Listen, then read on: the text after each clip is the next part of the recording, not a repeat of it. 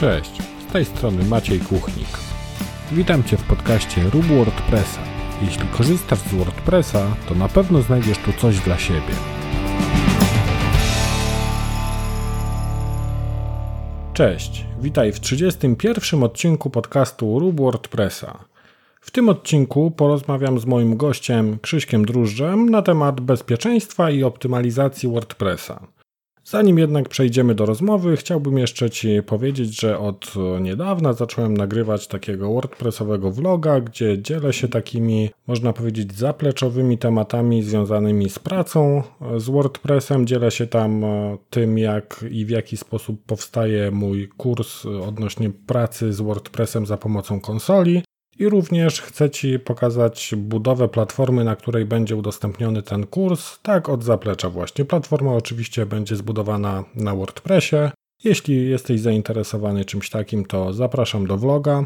Link do vloga znajdziesz w notatkach do tego podcastu pod adresem maciejkuchnik.pl łamane na 031 lub ewentualnie możesz na YouTubie wpisać sobie WordPressowy vlog Maciej Kuchnik na przykład i myślę, że nie będzie problemu z odszukaniem sobie właśnie tych filmów.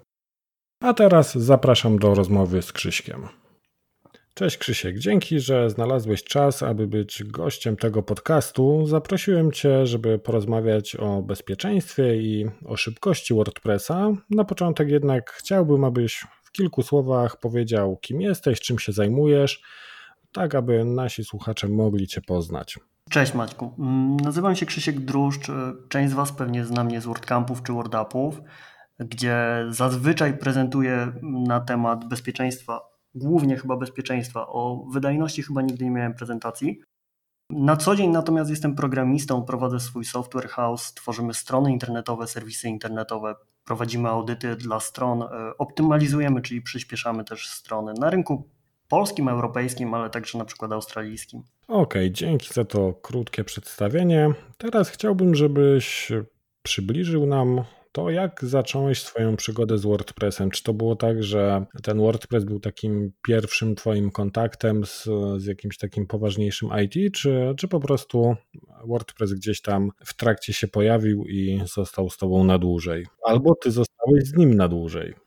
To jest tak naprawdę trudna sprawa dla mnie już, z tego względu, że specjalnie na potrzeby tej rozmowy z Tobą sprawdziłem, kiedy mniej więcej e, zacząłem się bawić WordPressem i był to rok 2007. Przynajmniej wtedy, wtedy założyłem bloga na WordPress.com. Jak ktoś go znajdzie i przyśle mi link do tego bloga, to ja postawię piwo przy pierwszej okazji. Natomiast mm, Wcześniej już y, gdzieś tam od 2004 roku pracowałem jako programista w firmie zajmującej się tworzeniem aplikacji webowych, ale także desktopowych, bo wtedy jeszcze się pisało aplikacje desktopowe. I tak naprawdę już nie pamiętam, czy to jest tak, że najpierw założyłem tego bloga na WordPress.com, czy, czy dopiero później. Natomiast y, praca taka, praca komercyjna z WordPressem to zaczęła się w momencie, gdy jeden z naszych klientów, klientów tej firmy potrzebował właśnie bloga i stanęło jakoś na tym, że, że to był blog właśnie na WordPressie i użyliśmy właśnie WordPressa komercyjnie dla tego klienta. Ale to było takie, to było takie użycie na zasadzie po prostu instalujemy, odpalamy go tak jak jest mniej więcej, czy, czy już gdzieś tam jakoś głębiej programistycznie ingerowałeś w niego? Głębiej programistycznie, bo to było tak, że klient miał określony projekt graficzny jakby dla tego bloga i tak dalej. Natomiast nie ukrywajmy, musimy pamiętać, że w okolicach 2007 roku WordPress był bardzo blogową platformą, tak? To znaczy dzisiaj to jest prawdziwy CMS ze stronami i tak dalej. Wtedy, wtedy pamiętam, tam dużo rzeczy było bardzo, bardzo trudnych. No tak, ja, ja z WordPressem pierwszy kontakt miałem w lutym 2009, z tego co pamiętam. To jeszcze była ta nawigacja taka pozioma, więc e, już nawet nie pamiętam, która to była wersja WordPressa, ale faktycznie to, co mamy teraz, a to, co było wtedy, to jest e, jakaś tam totalna przepaść. Tak, no ja pamiętam, że y, to jedna taka rzecz, którą pamiętam z tamtego wdrożenia. Tam nie było łatwego zarządzania menu, w sensie nawigacją strony. Tego typu rzeczy trzeba było sobie tak jakby oszukiwać, żeby, żeby tam coś umieszczać, więc, więc tak, no, no nie było to łatwe. Okej, okay, to przejdźmy do tego głównego wątku tego naszego podcastu. Jak to z tym WordPressem jest?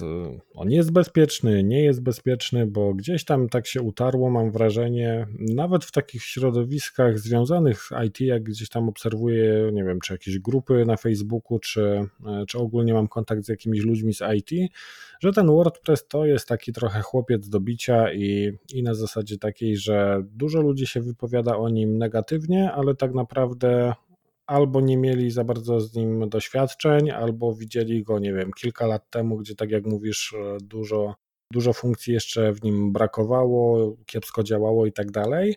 No i myślę, że tutaj też e, wpływ na to ma też pewnie taka sytuacja, że mamy tutaj bardzo niski próg wejścia, przez co osoby zupełnie niezwiązane z IT biorą się za budowanie stron i to z jednej strony jest pozytywny aspekt, no bo można sobie coś tam wyklikać, ale z drugiej strony widzę na rynku, że takie osoby też próbują działać na zasadzie właśnie wykonywania takich stron dla innych i potem czasem wychodzą z tego takie małe potworki. Jakbyś miał przybliżyć ten temat i odpowiedzieć, czy ten WordPress jest bezpieczny i dobry, czy jednak nie do końca, to jak byś to skomentował?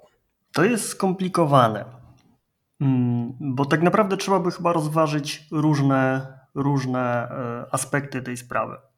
Jeżeli mówimy o samym WordPressie, czyli e, kodzie WordPressa, CMS-a, WordPressa i tak dalej, to wydaje mi się, że jak najbardziej jest on bezpieczny. E, dlaczego? Bo jest rozwijany od bardzo dawna.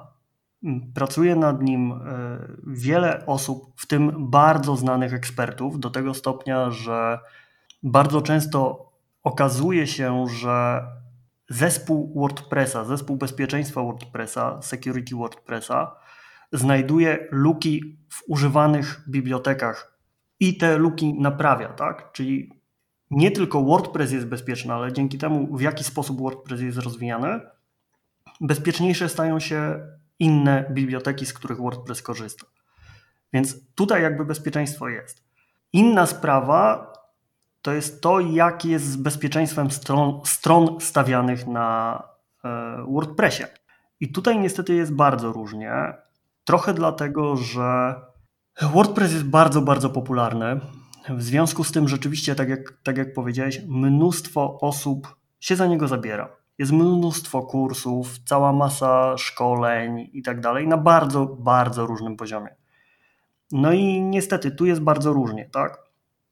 Znaczy, jeżeli osoba, która e, nie zna się w ogóle na programowaniu, zaczyna za pomocą takich kursów tworzyć sobie stronę, potem gdzieś tam znajdzie, coś poczyta, e, weźmie jakiś pierwszy lepszy fragment kodu znaleziony w internecie, wklei go na stronę, a przecież obaj, obaj mamy styczność z klientami, więc obaj prędzej czy później na takie przypadki trafimy, czy trafiliśmy no to nie ukrywajmy, to, to nie ma prawa być bezpieczne, tak? Szczególnie, szczególnie mm, jeżeli, jeżeli to są właśnie takie fragmenty kodu znalezione w internecie, bo nie ukrywajmy, jeżeli ja piszę artykuł i zamieszczam w nim fragment kodu, to to jest fragment kodu, jakby, który ma na celu pokazać jakąś myśl, ale to nie jest fragment kodu produkcyjny, tak? To znaczy w tego, w tego typu tutorialach nie ma wszystkich spra- y, tam zabezpieczeń, sprawdzania błędów, wykrywania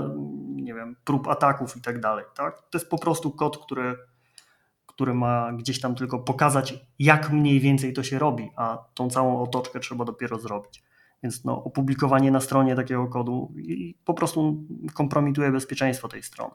Okej, okay, no czyli mamy tutaj e, zagadnienie takie, można powiedzieć, związane z bezpieczeństwem i samego WordPressa, i, mm, i całej reszty kodu, który może być gdzieś tam doklejony w trakcie produkcji takiej strony. A jak to z Twojego doświadczenia wygląda, jeśli chodzi o wtyczki, o motywy? Jak wiemy, no, mamy w czym wybierać setki, tysiące pluginów, motywów i tak dalej. Jak tutaj wygląda kwestia właśnie bezpieczeństwa? Jak to pokazuje Twoje doświadczenie? Moje doświadczenie pokazuje, że jest stosunkowo nieźle, jeżeli mówimy o motywach i wtyczkach darmowych. Darmowych, czyli tych, które są jawnie opublikowane gdzieś tam najlepiej w repozytorium WordPressa.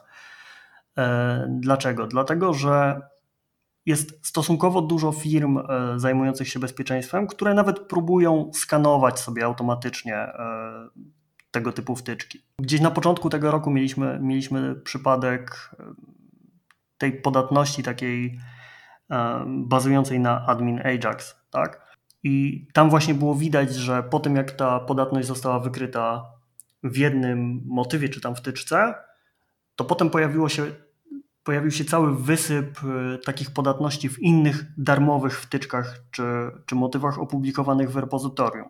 Skąd to się wzięło? No to się wzięło stąd, że ktoś zapuścił sobie e, skanowanie tego repozytorium i szukał odpowiednich fragmentów kodu, tak? Więc tego typu wtyczki łatwo jest, łatwo jest zabezpieczać czy wykrywać podatności. Znacznie gorzej jest w przypadku wtyczek czy motywów płatnych. I tutaj niestety, niestety jest y, sytuacja bardzo źle, bardzo źle wygląda. To wynika z tego, że autorzy wtyczek, ale też motywów, bardzo z motywami jest chyba nawet gorzej, y, płatnych, nie uwzględniają w y, swoim budżecie pieniędzy na prawidłowy rozwój tego. Tu głównie mam, głównie mam zarzuty do, do pewnej platformy związanej z lasem, tak? która, która jest dość popularna. Tam to jest jawne, tak? To znaczy sprzedajemy wtyczkę za 9-15 dolarów, co nijak nie utrzymuje rozwoju tej wtyczki. W związku z tym nikt prawie jej nie rozwija i to, to widać. Jeżeli kupimy jakiś motyw, to wystarczy popatrzeć, jak często ten motyw jest zaktualizowany to, to, to nie ma prawa być bezpieczne. Czyli tutaj też e, można powiedzieć jest trochę taki paradoks, że darmowe jest często dużo lepsze od e, płatnego, od jakiejś tam płatnej wersji, nie? Wiesz co, ciężko mi powiedzieć, czy jest dużo lepsze, bo mm, no ma mniej opcji, jest nie wiem, mniej ładne w przypadku motywów, tak? Motywy darmowe WordPressa no nie są tak piękne i rozbudowane jak, jak, jak motywy y, płatne, natomiast no jest trochę tak, że jak publikujesz jakiś kod za darmo i go pokazujesz całemu światu, to trochę bardziej się przyłożysz, tak? Bo masz tą świadomość, że każdy może to w każdej chwili zobaczyć jak sprzedajesz jakiś swój fragment kodu, to on z automatu jakby nie będzie jawny, więc e, może być troszkę, troszkę brzydziej, tak wiesz, bardziej roboczo napisany, nie? Tak, tak. A, a poza tym tutaj też no, na pewno ta siła społeczności, tak? To, że to jest open source i tak naprawdę każdy gdzieś tam może mm, dołożyć jakąś swoją cegiełkę, choćby nawet mm, przez to, że zgłosi taki błąd autorowi wtyczki i autor takiej wtyczki gdzieś tam w kolejnej aktualizacji poprawi ten błąd, więc myślę, że tutaj ta otwartość też, e, też się przekłada na to, że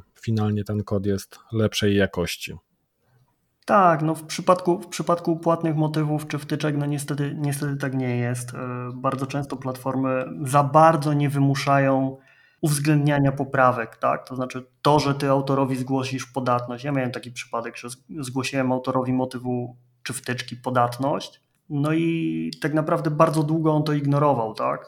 Z tego względu, że no on jakby nie ma na to budżetu, więc nie posadzi programistów, żeby to naprawili z drugiej strony nikt go tak naprawdę nie zmusza do tego, żeby to zrobił, więc no jedyne co możesz zrobić to wystawić mu złą opinię, tak, ale no nie jest to takie, wiesz, zbyt, zbyt poważne podejście mam wrażenie, niestety. No ja tutaj miałem dosłownie w ostatni weekend podobny problem, gdzie znajomy napisał do mnie z takim problemem, że coś tam nie działa i to też był taki dosyć ciekawy case, bo e, tylko na iPhone'ach i na Macu na Safari nie działało po prostu cofanie się no, przyciskiem wstecz w przeglądarce. Mhm. Na zasadzie, że jak e, przechodziłeś sobie po stronie i cofnąłeś się, to dostawałeś tylko tło i, i nic więcej. No i tam napisał, czy, czy bym rzucił okiem, bo, e, bo trochę mu się pomysły skończyły, czemu tak się dzieje, nie? No i tam się okazało, że była użyta jakaś biblioteka JavaScriptowa, która robiła jakieś takie ładne przejścia pomiędzy przeładowaniami strony i to była biblioteka chyba gdzieś tam z w ogóle ostatni commit na GitHubie był chyba z 2015, czyli no można powiedzieć bardzo stara.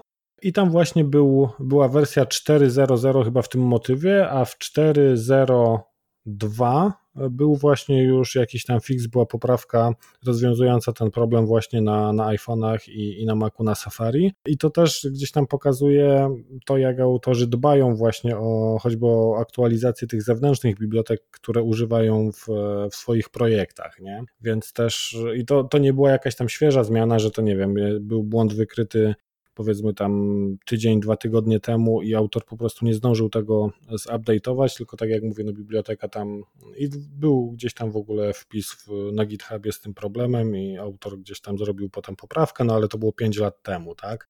I nie wiem, czy autor motywu po prostu wziął taką wersję, z jakiej tam korzystał zawsze, czy, czy zapomniał o aktualizacji, no nie mam pojęcia czemu akurat tak zrobił, szczególnie, że właśnie ten błąd 5 lat temu tam był poprawiony więc tutaj też jeszcze dochodzą te zewnętrzne rzeczy i te zewnętrzne biblioteki, o których zresztą też wspominałeś dzisiaj. Tak, no to jest, to jest y, świetny, świetny przykład, bo rzeczywiście, jeżeli szczególnie znowuż opłatne motywy, bo znowuż repozytorium WordPressa pilnuje tego typu rzeczy i tam masz bardzo mocne ograniczenia odnośnie tego, co możesz wrzucać, co nie i w jaki sposób to dołączać. Natomiast w przypadku płatnych motywów, bardzo często nie jest, nie jest to w żaden sposób, albo nie jest to zbyt rygorystycznie pilnowane. E, jeżeli weźmiesz sobie taki bardzo, bardzo rozbudowany motyw, czy wtyczkę, a jeżeli popatrzysz na motywy sprzedawane właśnie w pewnym lesie, to one są bardzo rozbudowane, bo paczka takiego motywu bardzo często jest cięższa niż sam WordPress. Tak, co jakby pokazuje, ile tam jest kodu i jak to jest przeładowane funkcja, funkcjami. Mm, no to niestety tam te zależności są bardzo duże. I rzeczywiście fakt faktem, e, bardzo często są tam używane także nieaktualne biblioteki, czy jakieś zewnętrzne rozwiązania pokroju, nie wiem, TGM-a chociażby, tak, który jest tam normą. No tam zdarza się, że znaczy zdarza się, tam mam wrażenie, że tam głównie sprzedają obrazki, tak, na, na tej platformie, a, a nie do końca jakby jakość czy, czy funkcjonalność, tylko głównie tam się kupuje chyba obrazkami z tego, co, co gdzieś tam widzę. I też mi się zdarzało naprawdę takie kwiatki widzieć już w, w motywach, że szkoda gadać. Już nawet do tego stopnia, że w jednym motywie, który miał jakąś tam funkcję, gdzie chyba użytkownik mógł się rejestrować, czy zakładać, jakieś tam konta użytkowników e, można było zakładać, była zrobiona taka konstrukcja, że był dodawany normalnie użytkownik przez tam standardowe funkcje WordPressa a potem autor motywu sobie wymyślił coś takiego, że odpali tam e, bezpośrednio jakąś kwerendę SQL-ową na bazie danych, żeby coś tam poprawić i przez to się wysypywała jakaś tam standardowa rzecz w WordPressie. Jakby działanie zupełnie niezrozumiałe, bo dodawał normalnie użytkownika tam, korzystając bodajże z WP Insert User czy, czy którejś z tych funkcji, a potem takim zwykłym hamskim SQL-em jechał i chyba nawet jeszcze nie wiedział o tym, że mogą być różne prefiksy baz danych, bo tam na sztywno oczywiście prefiks był wpisany i coś tam sobie poprawiał, więc tutaj już naprawdę chyba nic mnie nie zdziwi, co, co znajdę właśnie w jakimś tam motywie premium. No, wydaje, mi się, wydaje mi się, że to jest taki dość typowy, typowy przykład właśnie mm, robienia funkcji, funkcji na, na szybcika po to, żeby zrobić i mieć z głowy, bo jakiś klient tego chce, więc, więc to zrobimy i tyle. Natomiast, natomiast tu jakby mm, jedna rzecz, jeżeli rozmawiamy o bezpieczeństwie WordPressa, to warto zwrócić uwagę chyba na jedną rzecz, na którą osoby krytykujące, krytykujące WordPressa za bezpieczeństwo jakby nie zwracają uwagi. Jeżeli nie WordPress, albo jeżeli WordPressowi zarzucamy, że jest niebezpieczny, to jakie są alternatywy?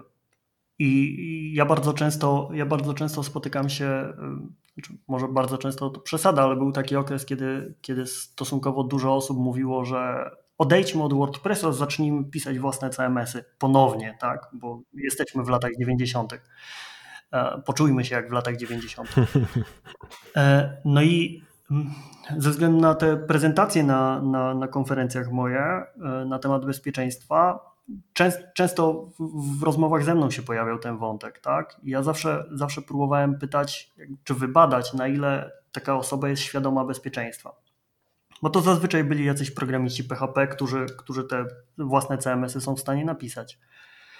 No i tu wynik, wychodziło bardzo różnie. Bardzo, o ile większość z nich wiedziała, co to jest SQL injection, to już wiedza na temat XSS-a, czy jak się przed nim zabezpieczyć, jak zabezpieczyć aplikację przed, przed XSS-em, tego już nie było. Tak? To znaczy, zresztą to widać, to widać nawet w przypadku WordPressa. Tak? WordPress przed XSS-em jest zabezpieczony. Natomiast jak sobie popatrzysz po wtyczkach czy motywach, czy jakichś tam, nie wiem, tutorialach, szkoleniach i tak dalej, to tu już jest różnie, tak? To znaczy, jakby przed SQL Injection próbujemy się chronić za pomocą WPDB, lepiej lub gorzej, bo bardzo, bardzo dużo tu jest wszelakich błędów. Natomiast z całego mechanizmu nonce, nonce, jakkolwiek to się czyta, mało kto korzysta. Tak? Więc mm, ja myślę, że, że to nie. Nawet jeżeli chcemy, chcemy powiedzieć, że WordPress jest w jakimś tam stopniu niebezpieczny, albo wtyczki czy, czy, czy motywy są w jakimś stopniu niebezpieczne, to pamiętajmy, że jeżeli ta sama osoba, ten, ten sam autor wtyczki nie napisze wtyczki, tylko napisze nam całego CMS-a, to to nie będzie z automatu bezpieczniejsze. Tak? Bo to jakby mm, to, to, to nie jest tak, że jakieś narzędzie jest bezpieczne lub nie. Tak? Młotek, czy młotek jest bezpieczny? No, jeżeli używasz go poprawnie, to jest. Czy młotkiem można rozwalić sobie palca? Bez problemu.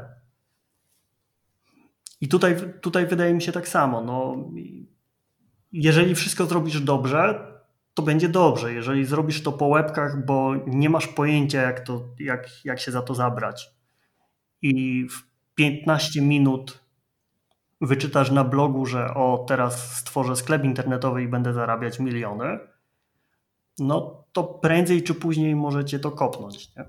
No tak, tutaj, tutaj ta świadomość jest e, bardzo różna, tak jak mówisz, i, e, i faktycznie też e, bardzo często nawet zauważałem w projektach, które gdzieś tam można powiedzieć odziedziczyłem po kimś innym, Zdarzyło mi się dostać taki projekt, gdzie widziałem, że tego nie pisał jakiś tam programista z, po, po weekendowym kursie PHP i tak dalej, bo to było napisane całkiem przyzwoicie, ale pewne rzeczy były znowu zupełnie bez sensu robione, bo po prostu było wymyślanie koła na nowo. To, co WordPress natywnie ma gdzieś tam już zaimplementowane i to, co można było zrobić jedną linijką, ktoś pisał, nie wiem, klasę do obsługi tego, tak, na przykład do jakiegoś tam logowania czy, czy tego typu rzeczy i tutaj też mam wrażenie, że bardzo dużo osób jakby nie zna na tyle WordPressa, czy deweloperów na przykład pracujących w innych technologiach nie zna tego WordPressa, próbuję coś tam do niego dopisać, stworzyć, no bo przecież WordPress jest taki prosty i, i w ogóle przyjazny i to, to jaki tam problem napisać plugin,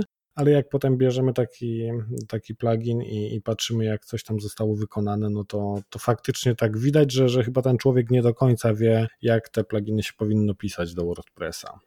No tak to jest z popularnymi narzędziami. E, dobra, bardzo często też e, Twoje usługi gdzieś tam są polecane na grupie, jeśli ktoś przychodzi z takim problemem, że ej, miałem włamanie na stronę, co teraz zrobić? Dzieją się dziwne rzeczy i zresztą sam też bardzo często gdzieś tam polecałem Cię jako osobę, która mm, robi takie usługi czyszczenia stron, przywracania ich do, do poprawnego działania. Jakie najczęściej błędy widzisz e, właśnie przy takim procesie mm, czyszczenia stron? Co zawiodło? Gdzie tam był ten, e, ten słaby punkt? Czy to był kod, czy to był człowiek, bo, bo jak wiemy, no ten proces bezpieczeństwa to nie tylko bezpieczeństwo kodu, ale też e, człowiek, czy tam ludzie zajmujący się danym WordPressem. Okej, okay. E, jeżeli, jeżeli chodzi o samo czyszczenie, czy sam proces czyszczenia, czyli w momencie, gdy już mamy infekcję i co, co wtedy się dzieje, to takich, to takich problemów dostrzegam kilka. Jednym z największych błędów, e, jakie widzę, to jest y, przywracanie backupu. Niestety, niestety mamy całą masę hostingów, które um, próbują wyjść przed szereg, tak? jeżeli gdzieś tam strona padnie, z, y, jej właściciel zgłosi się do hostingu, to hosting próbuje pomóc. No i co? Mają backup, nie wiem, z wczoraj, więc go przywrócą. Problem polega na tym, że mm, to jest najgorsze, co można zrobić. Dlaczego?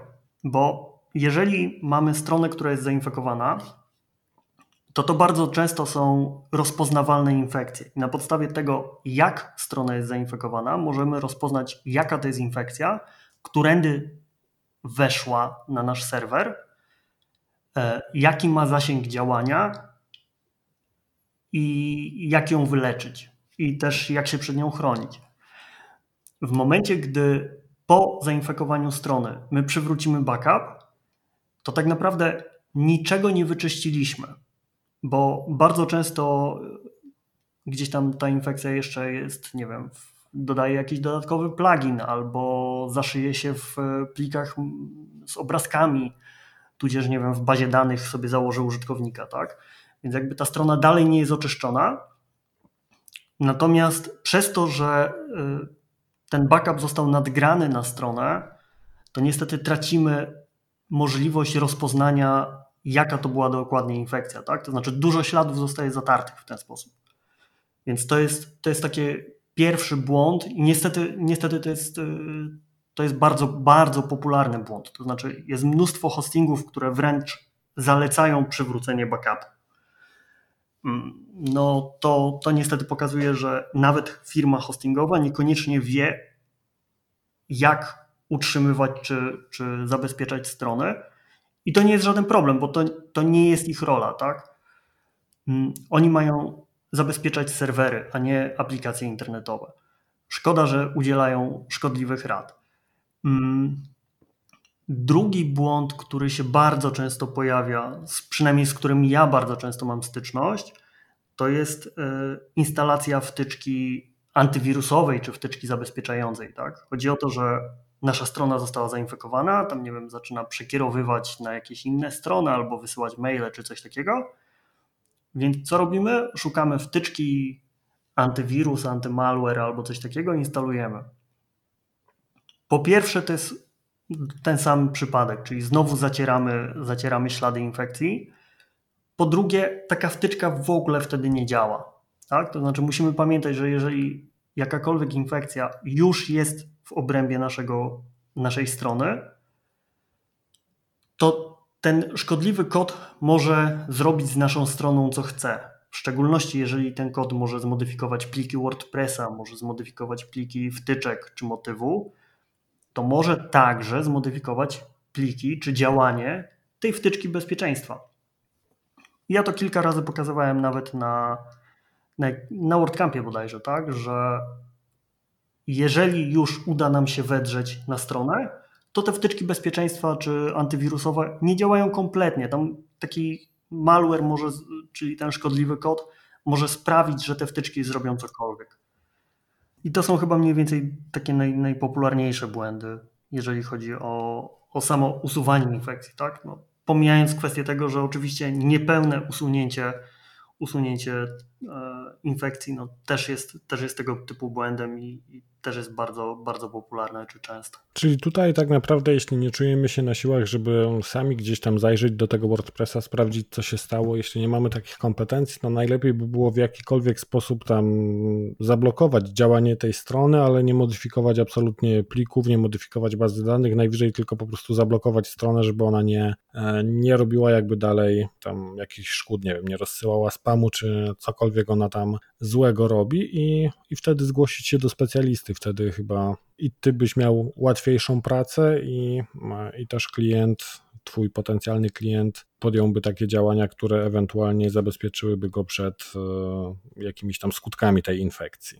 Dokładnie tak. I kolejna rzecz, którą jeszcze bym dodał do tej listy, działać szybko, bo jakby musimy pamiętać o tym, że im dłużej ten szkodliwy kod działa na, na naszym serwerze, tym więcej zdąży zrobić. Tak? To znaczy, jeżeli na przykład to jest e, kod, który ma na celu publikowanie na naszej domenie e, spamowych artykułów pod SEO, tak? czyli promocja jakiejś tam innej strony, czyli gdzieś tam atakujący tworzy sobie zaplecze SEO kosztem, kosztem naszego serwisu, no to jeżeli wyłapiemy to od razu i naprawimy ten problem, to te treści nie zdążą się nawet zaindeksować.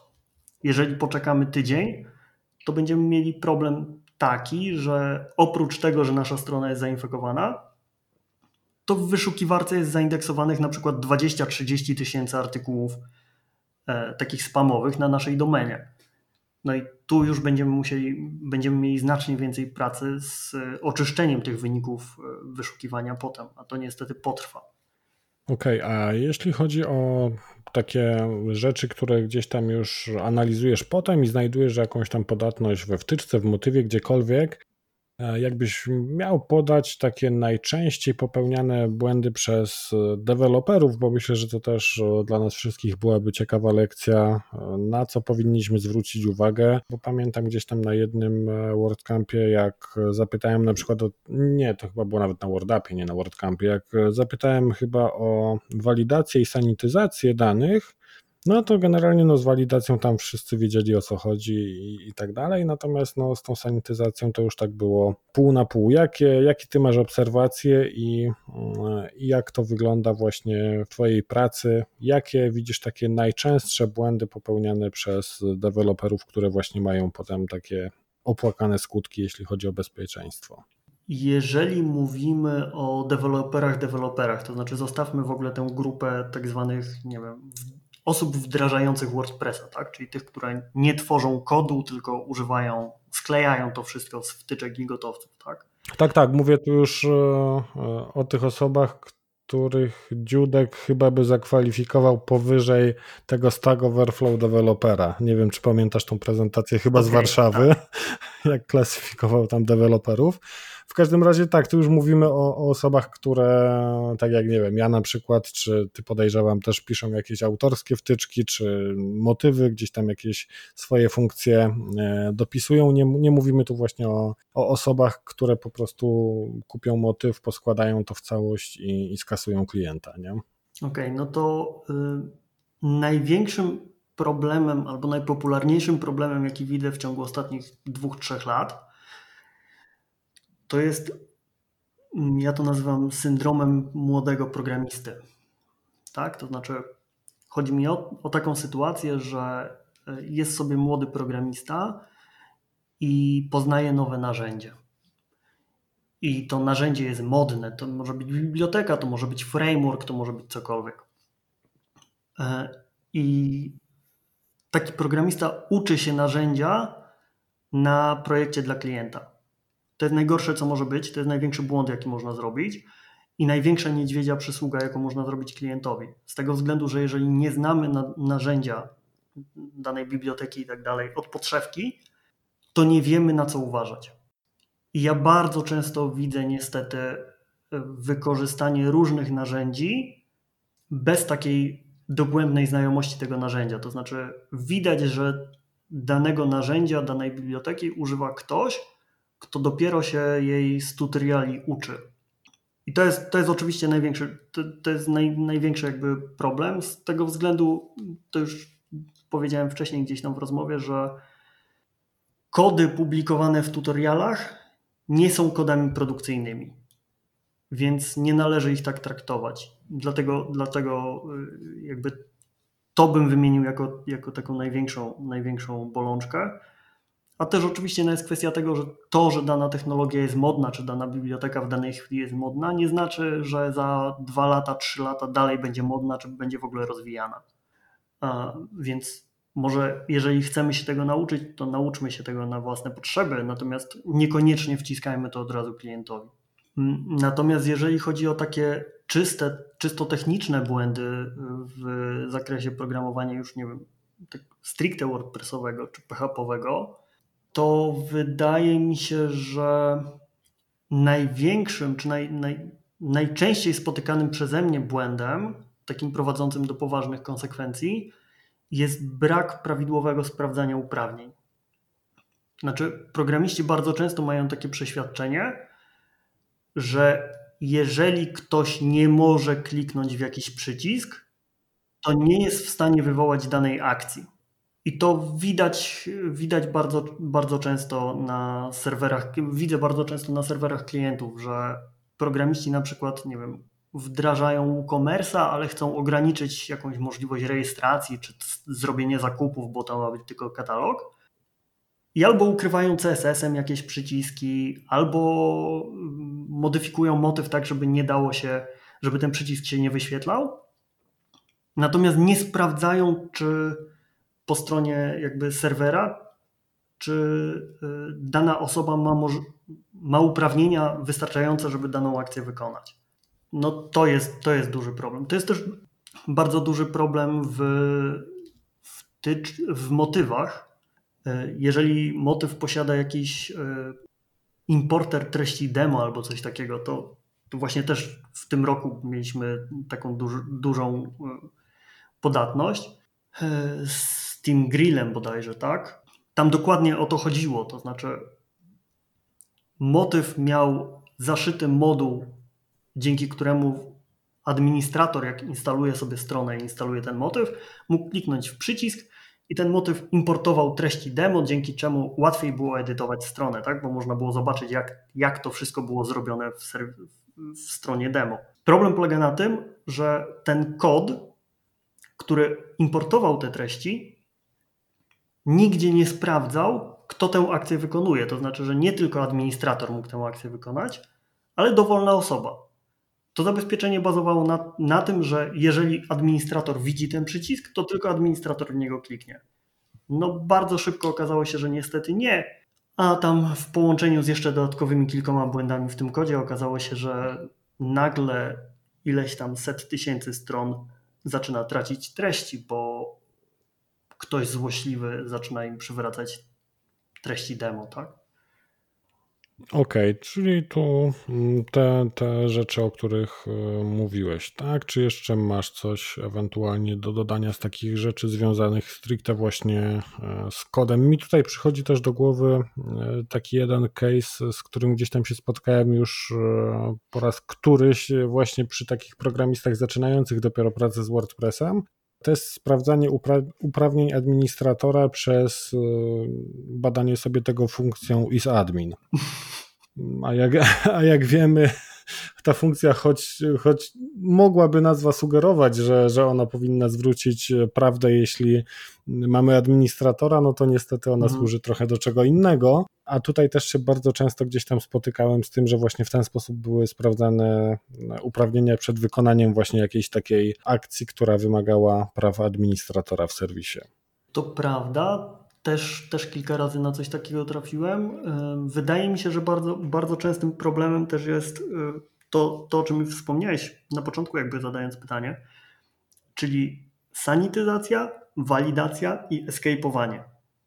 Wydaje mi się, że y, programiści często mylą te trzy rzeczy, albo wydaje mi się, że te trzy rzeczy to jest jedna rzecz.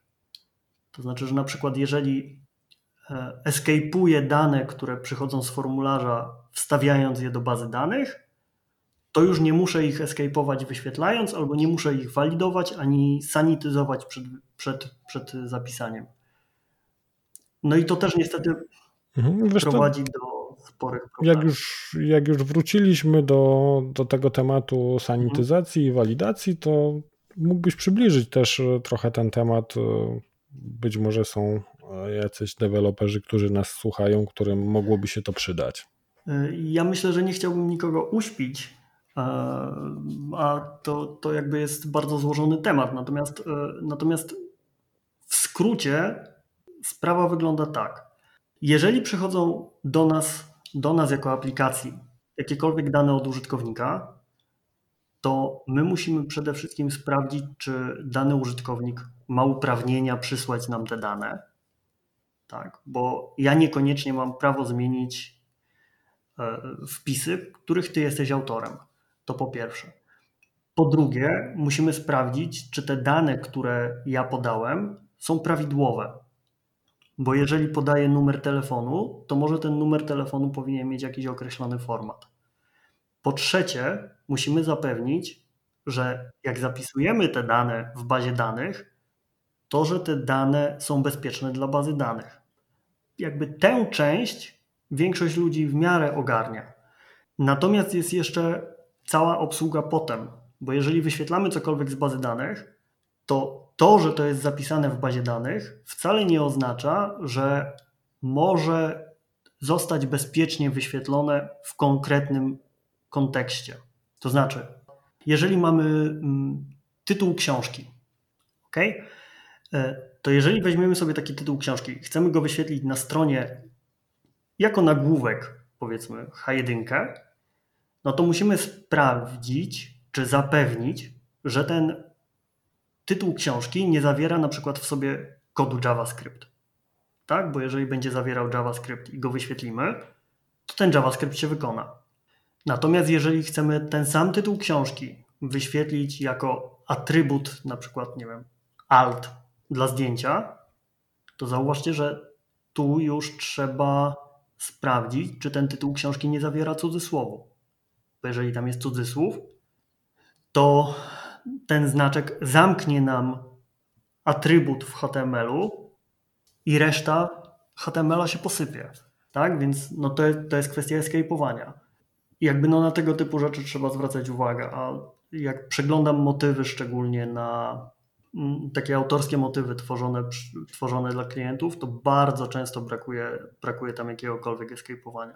Niestety. Brak escape'owania to jest coś, co bardzo często prowadzi do ataków XSS, bo umożliwia opublikowanie na stronie na przykład kodu JavaScript, który potem jest wykonywany.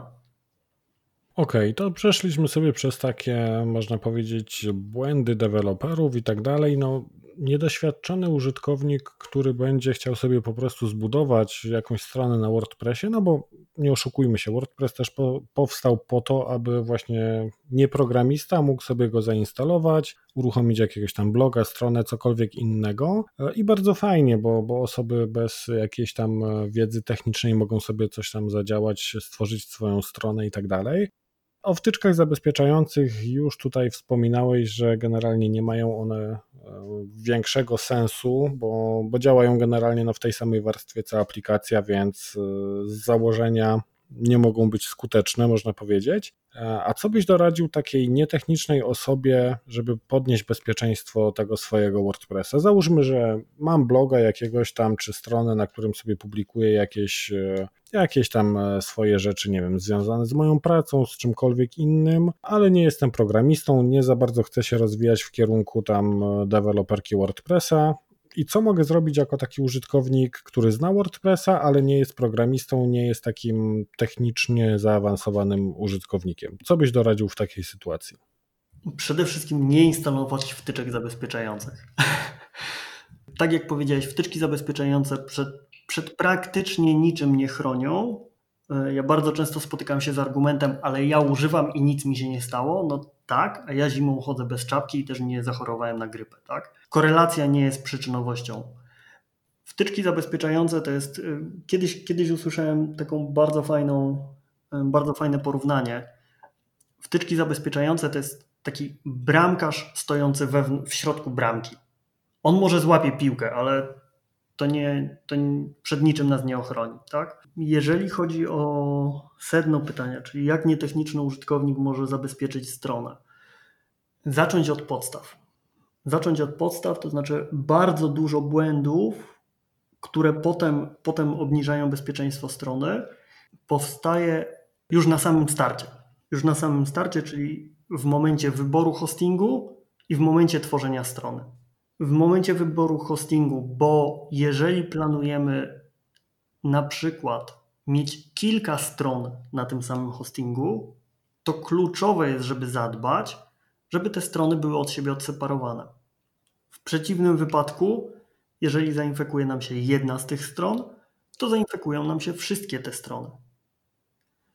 E, to jest, to jest bardzo popularny błąd, popełniany nawet przez duże agencje i niestety potem w przypadku infekcji klienci bardzo słono za to płacą, bo zamiast zainfekować się jedna strona, infekuje się na przykład 20 domen i mamy problem. Mm, druga rzecz to jest e, poprawnie tę stronę utworzyć.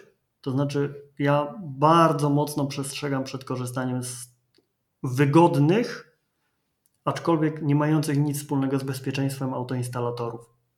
Dzisiaj chyba prawie wszystkie hostingi udostępniają jakieś takie zainstaluj WordPressa klikając jeden guzik. Minus takiej instalacji jest taki, że te WordPressy, ten instalator, czy ta paczka instalatora bardzo często przygotowywana jest przez hosting i bardzo często nie jest to prawidłowo zabezpieczony WordPress. I to potem jakby się nawarstwia, tak? Czyli mamy na przykład słabe, słabe hasło do bazy danych, domyślny prefiks, e, użytkownika admin i tego typu sprawy. Tak, to e, przynajmniej, przynajmniej jeden hosting wydaje mi się na przykład za pomocą autoinstalatora nie generuje soli. Tak? Tam w WP Configu mamy te takie losowe znaczki, które, które są.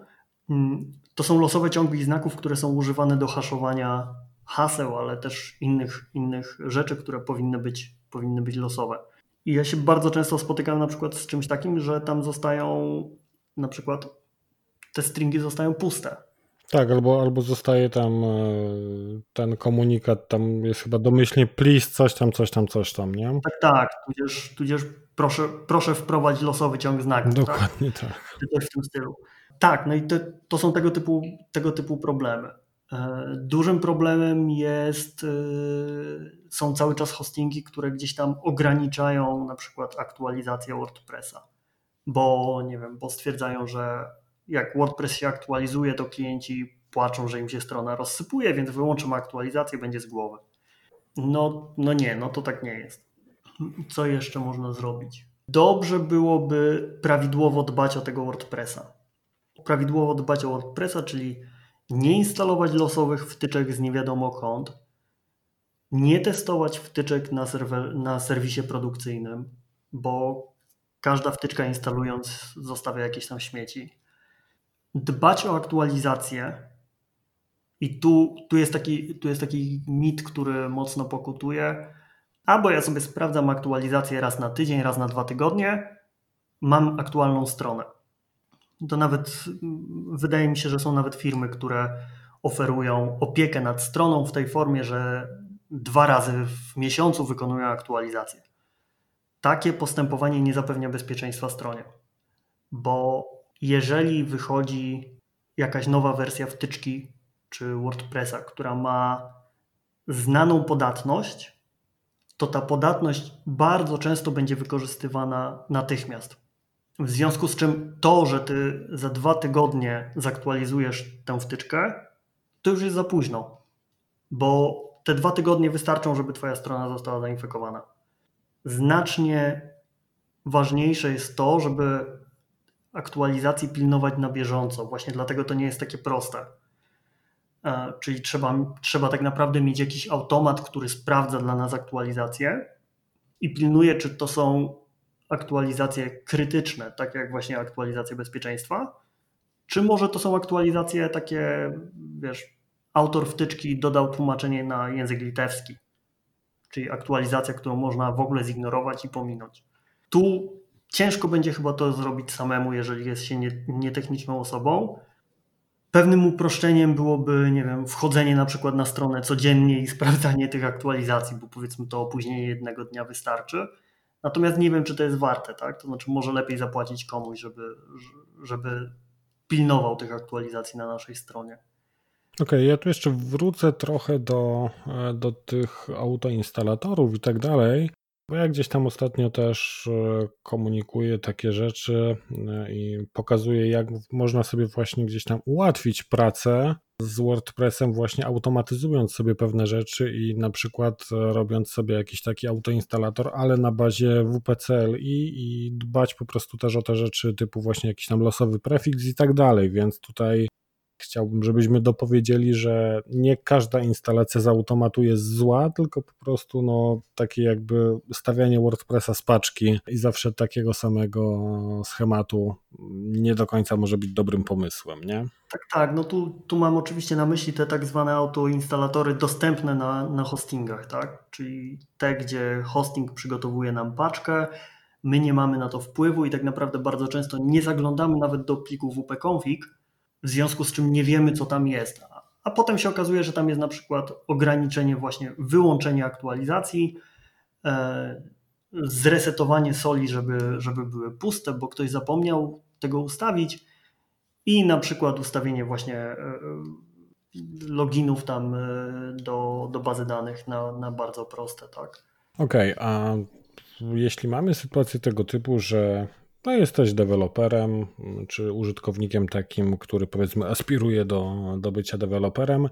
E, co byś tutaj doradził komuś, kto się nie boi wejść na serwer, wyedytować jakichś tam plików konfiguracyjnych, jakichś tam innych rzeczy, czyli ktoś, kto już tam dosyć sprawnie się porusza w takich technicznych aspektach, kto się nie boi właśnie zajrzeć gdzieś tam do kodu, coś tam podziałać, coś tam zrobić i tak dalej, bo, bo tutaj no, taki użytkownik będzie miał zdecydowanie większe pole do popisu, jeśli chodzi o podniesienie tego bezpieczeństwa WordPressa. Znaczy, po, po pierwsze, wydaje mi się, że nietechniczny użytkownik też nie musi się tego bać. Znaczy, dzisiaj, dzisiaj edytowanie kodu nie jest aż tak trudne, jakby się wydawało. To znaczy, klient FTP jest czymś, co wygląda w miarę prosto i można tego prosto użyć. Znaleźć plik, który się jakoś nazywa i jakoś go zmodyfikować. Jasne, fajnie jest konkretnie wiedzieć, jak dane narzędzie działa, i, i modyfikować to wszystko świadomie, tak? Natomiast powiedzmy, że jeżeli popatrzymy na, nie wiem, na chociażby moją prezentację Wyczaruj sobie spokój, tak? w której jest tam garstka takich zaleceń, które warto wdrożyć, żeby, żeby strona na WordPressie była bezpieczniejsza, to większość tych zaleceń jest stosunkowo prosta. Skopiuj dany fragment kodu, który jest przygotowany, wklej i popraw tylko niektóre miejsca, odno- tak żeby poprawnie funkcjonowały na Twoim serwerze, e, czy odnosiły się do Twojej strony. I tam nie trzeba mieć jakoś bardzo szerokiej, rozbudowanej wiedzy, żeby, żeby zastosować te porady. Więc tak, więc wydaje mi się, że, że to, jest, to jest chyba taki najprostszy sposób. Wiesz co, Krzysiek, zawsze Ci zazdrościłem tej prezentacji. Mm, w zasadzie to nawet nie samej prezentacji, co tego, że jak tylko pojawiał się gdziekolwiek w dyskusji na, na grupach, na Facebookach i tak dalej temat właśnie bezpieczeństwa, co zrobić, jak sobie poradzić, to, to tam jedna z pierwszych odpowiedzi było zaraz wygoogluj sobie, wyczaruj sobie spokój i tak dalej. Zresztą sam wielokrotnie w ten sposób pisałem albo wrzucałem link do Twojej prezentacji, bo zrobiłeś e, świetną robotę tą prezentacją i na pewno e, wiele WordPressów dzięki temu jest znacznie bezpieczniejszych, także e, na pewno odcisnąłeś gdzieś tam swój ślad na polskich WordPressach czy WordPressach utrzymywanych przez e, polskich deweloperów. Także gratuluję jeszcze raz, bo, e, bo tak jak mówię, zawsze Ci zazdrościłem, ale w takim pozytywnym sensie tej prezentacji. Dzięki przede wszystkim. Natomiast wydaje mi się, że, że to jest prezentacja, która nawet do dzisiaj, mimo że ona już jest dość stara, jest o tyle fajna, że to nie są zaawansowane rzeczy, tak? To znaczy duże serwisy na serwerach VPS-ach, VPS my zabezpieczamy zupełnie inaczej. Natomiast ta prezentacja bardzo mocno jest przygotowana pod hostingi współdzielone właśnie, gdzie nie można nie wiadomo ilu rzeczy zrobić, bo żyjemy w jakimś ograniczonym środowisku i musimy sobie poradzić tymi narzędziami, które mamy, tak? Wydaje mi się, że, że tam te, ten zbiór porad jest taki dość wystarczająco szeroki, żeby zabezpieczyć większość stron, a jednocześnie wystarczająco prosto przedstawiony, żeby tak jak mówię, nawet, nawet te nietechniczne osoby, czy mniej techniczne osoby były w stanie sobie z tym poradzić, więc... Tak, myślę, że tutaj akurat te, te praktyki, te narzędzia, które tam przedstawiłeś, można zobrazować dobrze e, taką zasadą Pareto, że, e, że tam te rzeczy, które wdrożymy sobie, zabezpieczą nas przed e, bardzo dużą jakby częścią problemów potencjalnych, które mogą gdzieś tam wystąpić. Zgadza się. Tutaj jeszcze też e, w zasadzie przyszedł mi do głowy taki temat e, wtyczek, które e, można powiedzieć chcą nam ukryć tego WordPressa. Bo gdzieś tam wielokrotnie też widzę na, na grupach, ja zresztą bardzo dużo inspiracji czerpię z grup i tak dalej i w zasadzie do, do tego, żeby publikować zachęciło mnie to, że ktoś notorycznie polecał wtyczkę do wdrażania SSL-a, jak dziwnie to brzmi, tą Really Simple SSL, która podmieniała przy każdym przeładowaniu mm. strony te, te stare linki i już po prostu tak mnie zaczęło to irytować, że że stwierdziłem, że przygotuję jakiś tam film, który będę mógł wkleić i pokazać, jak, jak tego SSL-a można zrobić dobrze bez wtyczek i, i co ważne, właśnie bez jakiejś tam super wiedzy, tylko można sobie to również gdzieś tam wyklikać. Co więcej, gdzieś tam takie złe praktyki zauważyłem, są bardzo często polecane przez osoby z dużymi zasięgami, niekoniecznie z dużą wiedzą WordPressową. I gdzieś tam też zauważyłem taki trend, że właśnie osoby, które z tym WordPressem mają tak czasem bardzo pośrednio do czynienia, wrzucają na przykład listę swoich 10 ulubionych wtyczek, nie? Chyba, chyba nawet wiem, do jakiego artykułu pijesz. No, wypowiedziałeś się tam w komentarzach też, także, e, także kojarzę też to, ale to, to nawet nie jest, e, nie jest ten jeden case, bo, bo to widzę notorycznie, czy, czy nawet wiesz, ktoś jest po weekendowym kursie WordPressa i potem nagle uczy, jak, jak tego WordPressa robić. E, ale wracając jeszcze do, do tego tematu, od którego wyszedłem, to wszelkie wtyczki czy jakieś tam praktyki w stylu, a jak sobie zmienię adres logowania zamiast tego WP admina czy WP login standardowego na, na coś tam innego, no to będę bezpieczny, albo jak na przykład zmienię domyślne ścieżki tam do, do, do WP content i tak dalej, no to nikt się nie zorientuje, że to jest WordPress i będę bezpieczny. No no i z mojej perspektywy to jest co najmniej głupie działanie i przed niczym nie chroni. I nie wiem, czy masz w tym temacie takie same zdanie. Czy może jednak to ma sens? Tak i nie. To znaczy, y, prze, przede wszystkim tak, przede wszystkim odnosząc się do, do tych popularnych osób czy, czy, czy firm, które publikują treści, tak, to jest mój bardzo duży zarzut do niebrania odpowiedzialności za to, co się publikuje. Tak, to znaczy tam te popularne osoby to jeszcze PAL 6, natomiast y, mnie bardzo irytują hostingi, które odkryły, że dużą grupą docelową ich usług są osoby korzystające z WordPressa. W związku z tym na potrzeby SEO zaczynają publikować treści na temat WordPressa. Niestety firma hostingowa nie jest firmą deweloperską i nie zajmuje się tworzeniem stron to świetnie Kamil Porębiński z Kamelsów kiedyś e, opowiadał na WordUpie bodajże, miał taką prezentację, że oni pierwszą stronę swojej firmie zrobili sami. I to był ich największy błąd, bo wtedy się okazało, że oni nie umieją tego robić. I to jest naturalne, tak? To znaczy pani, która w sklepie sprzedaje mięso, wcale niekoniecznie umie z tego mięsa ugotować najpyszniejsze steki na świecie i nie taka jest jej rola. Natomiast no, niestety, niestety hostingi wpadły na ten pomysł promocji SEO poprzez, poprzez treści WordPressowe i publikują jak najęte te artykuły, co zrobić, jak zrobić, 10 popularnych wtyczek, które musi mieć każdy i tak dalej. No i niestety jakość merytoryczna tych artykułów jest bardzo niska, natomiast nie ukrywajmy, firmy hostingowe zazwyczaj mają całkiem niezłe zasięgi także, więc te treści są nośne. Szkoda. Szkoda, bo to, bo to jest taka niedźwiedzia przysługa. Natomiast no, tym bardziej szkoda, że część z tych hostingów powiedzmy porusza się gdzieś w społeczności WordPressowej i być może wystarczyłoby porozmawiać z ludźmi na WordCampie, WordUpie, żeby pozyskać autorów dobrych takich artykułów. Natomiast no, z jakiegoś powodu to nie jest zrobione, więc, więc to, jest, to jest spory zarzut. Mm, jeżeli chodzi o te wtyczki ukrywające WordPressa, no niestety to bardzo często nie zdaje egzaminu, bo to w większości przypadków nie ma sensu. Znaczy to, że ukryjemy WP content nie zmieni nic, bo ten WP content i tak jest publikowany w kodzie naszej strony, tak? bo stamtąd są obrazki. Jakby wyczytanie, gdzie, znajduje się, gdzie znajdują się pliki naszego motywu, to jest proste, wystarczy sprawdzić, gdzie jest plik CSS z tego motywu. E, jeżeli chodzi o zmianę adresu logowania, to jest najgorsze, co możemy zrobić, bo formularz logowania generuje się w przeciętnym WordPressie około 300-500 milisekund. Strona 404, którą pokażemy, jeżeli zmienimy ten formularz logowania, jest obsługiwana już przez wszystkie wtyczki i przez cały nasz motyw. W związku z tym bardzo często generuje się około 2-4 sekund.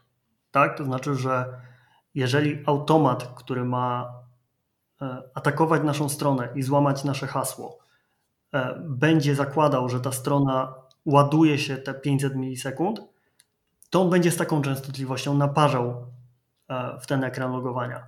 Jeżeli będzie otrzymywał stronę 404, która generuje się znacznie dłużej, to po prostu zdedosuje nam serwer.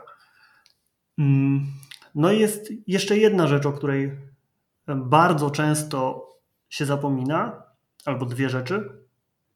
XML RPC, które zazwyczaj spotykam na serwerach klientów dokładnie w tym samym miejscu, w którym miało być. Nawet jeśli, nawet jeśli jest zmieniony adres logowania, to XML RPC jest, jest włączone i można spokojnie go użyć do łamania hasła. E, oraz REST API, którego tak samo można użyć do łamania hasła. Więc jakby no, robimy coś, co nie przynosi żadnych korzyści, a jednocześnie mm, utrudniamy jakby funkcjonowanie samemu WordPressowi, tak? Więc nie wydaje mi się to korzystne. Mhm. E, tutaj jeszcze się odniosę do, do tego, co powiedziałeś o hostingach e, i faktycznie też zauważyłem od e, dłuższego czasu taką tendencję mm, gdzieś tam wśród polskich hostingów, że Najpierw było się ściganie na parametry, potem się wszyscy ścigali na jakby czas odpowiedzi supportu i tak dalej, na, na obsługę klienta, co też jest bardzo istotnym parametrem, jeśli chodzi o wybór hostingu, bo jednak ten support jest bardzo, bardzo istotny. A teraz widzę, że e, dużo właśnie firm idzie w zwał jak zwał content marketing, taki WordPressowy. Organizują jakieś tam e, bardzo często live'y, nie live'y, tego typu sprawy, tylko tak jak mówisz, no często to są takie porady na granicy dobrych praktyk powiedzmy, ale też to, co zauważyłem ostatnio, to to, że supporty hostingów niby chcą być takie dobre i super i pomagają e, użytkownikom w ogarnianiu tych ich WordPressów, bo nawet gdzieś tam się spotkałem z tym, że przyszła do mnie klientka, która miała jakiś tam problem na stronie, który teoretycznie niby miał być rozwiązany, ale był rozwiązany w taki jakiś strasznie dziwny sposób, też właśnie bardzo obciążający stronę jakąś tam wtyczką taką bardzo starą, nieaktualizowaną. Jak zapytałem czemu tak, no to stwierdziła, że ona tam pisała do hostingu, bo coś jej tam nie działało, no i tam panowie jej pomogli i zainstalowali właśnie taką wtyczkę. I tutaj widzę właśnie też taki, taki trend trochę, że, że hostingi chcą być ekspertami od WordPressów, a tak nie zawsze im to wychodzi. Zresztą to też mówiłeś o tych backupach, tak, że, że bez jakby zastanowienia się, a no mamy problem, no to przywrócimy backup i, e, i to będzie takie pudrowanie trupa, nie? Tak, no ni niestety tak jest. Zresztą to y, z właścicielem jednego z hostingów w tym albo w ubiegłym tygodniu, zresztą o tym, o tym rozmawiałem właśnie w kontekście tego, że gdzieś tam ten hosting opublikował artykuł na temat zabezpieczenia WordPressów.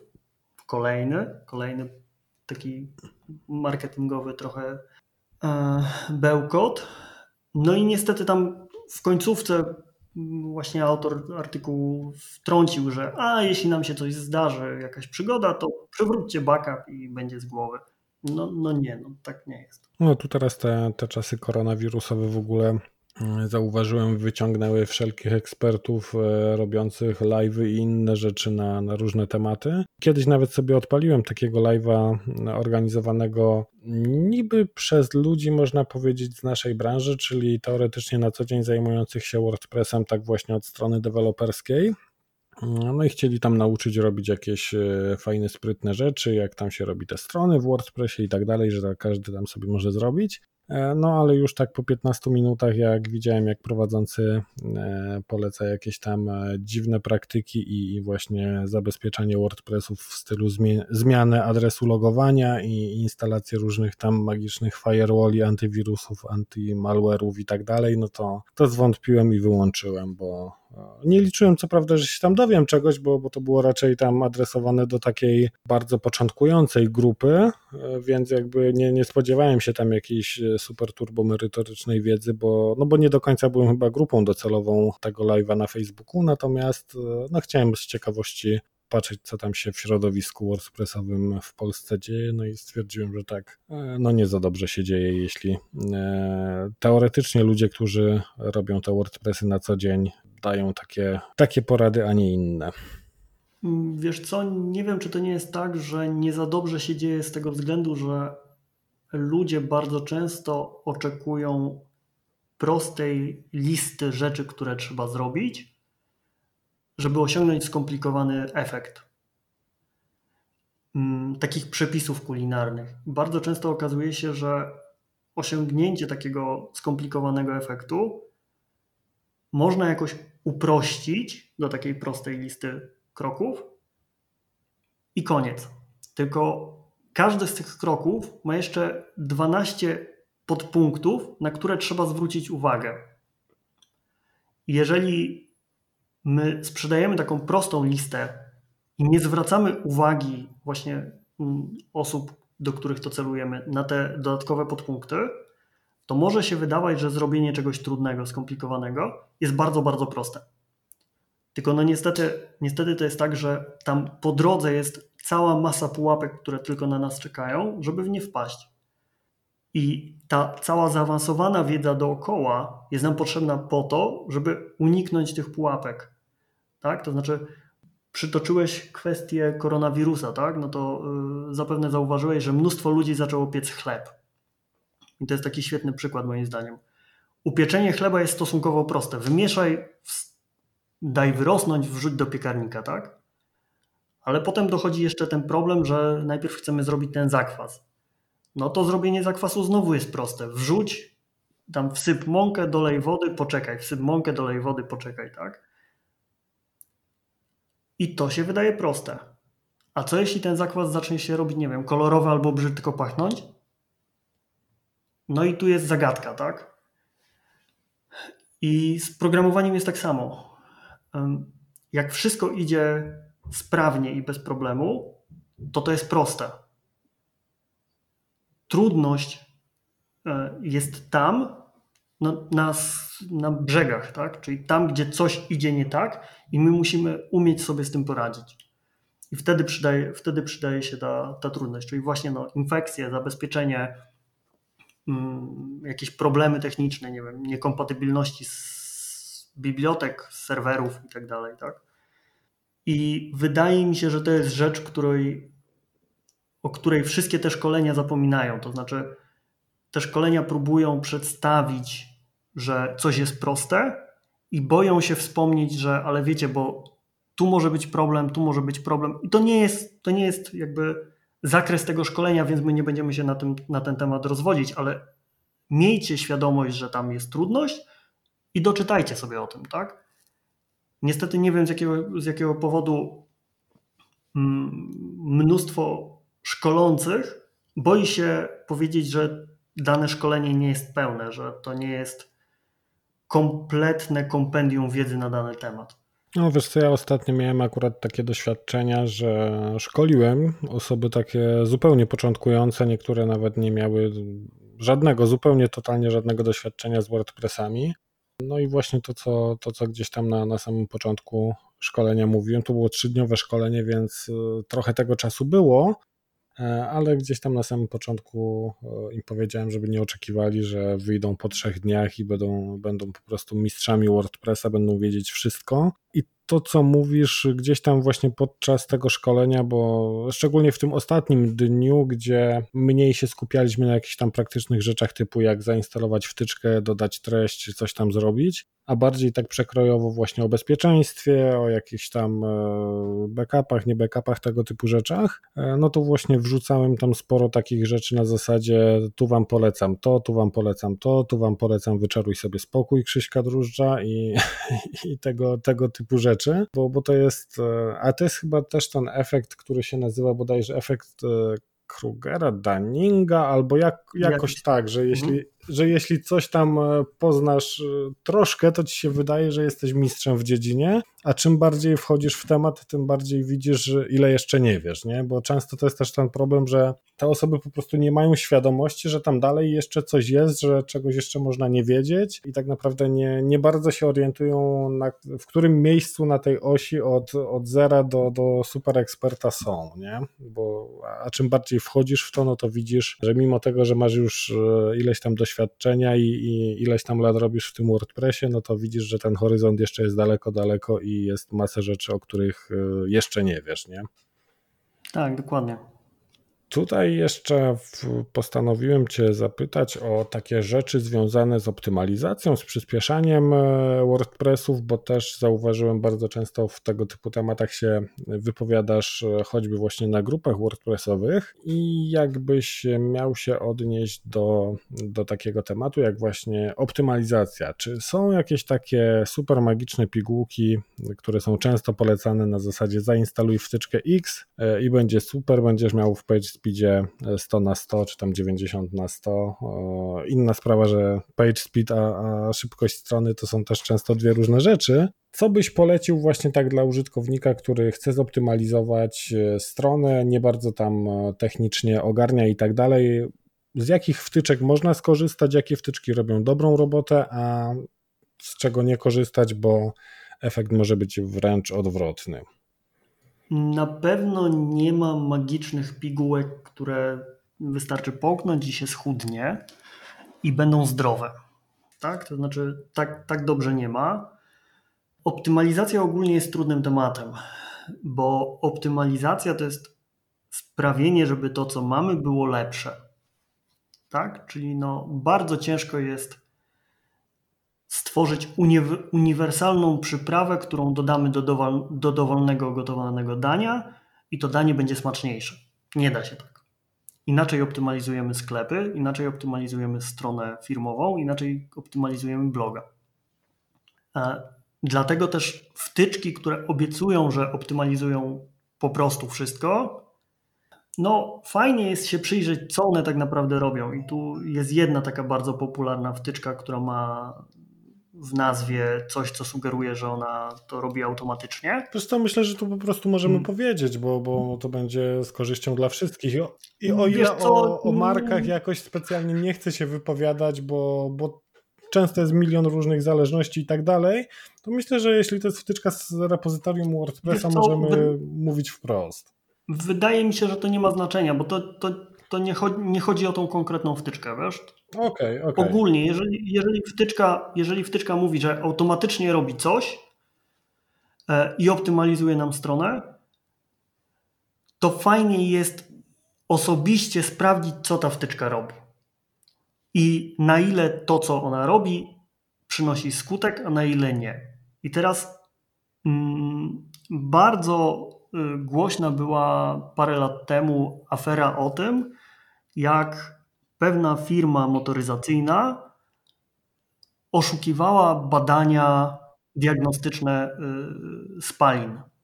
Tak? Czyli ich samochody były bardzo ekologiczne w momencie, gdy były podłączone pod aparaturę sprawdzającą zawartość spalin, natomiast wcale niekoniecznie przechodziły te normy e, na co dzień.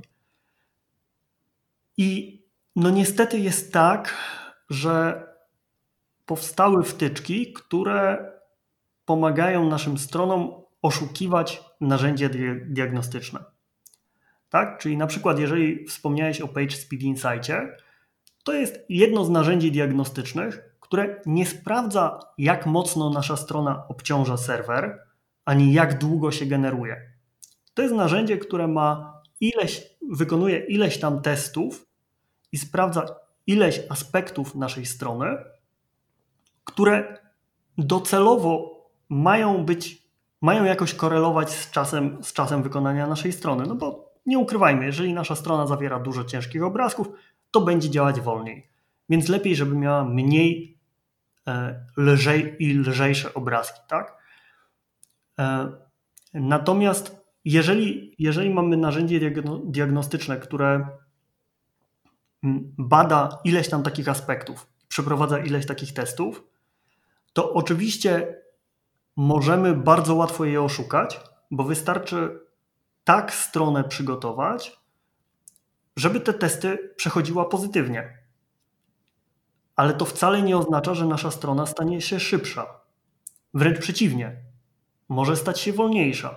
Szczególnie, że y, pamiętajmy o tym, że PageSpeed Insight sprawdza Zresztą wszystkie takie narzędzia sprawdzają stronę bez ciastek, czyli tą wersję taką dla osoby niezalogowanej i z pustym cache'em.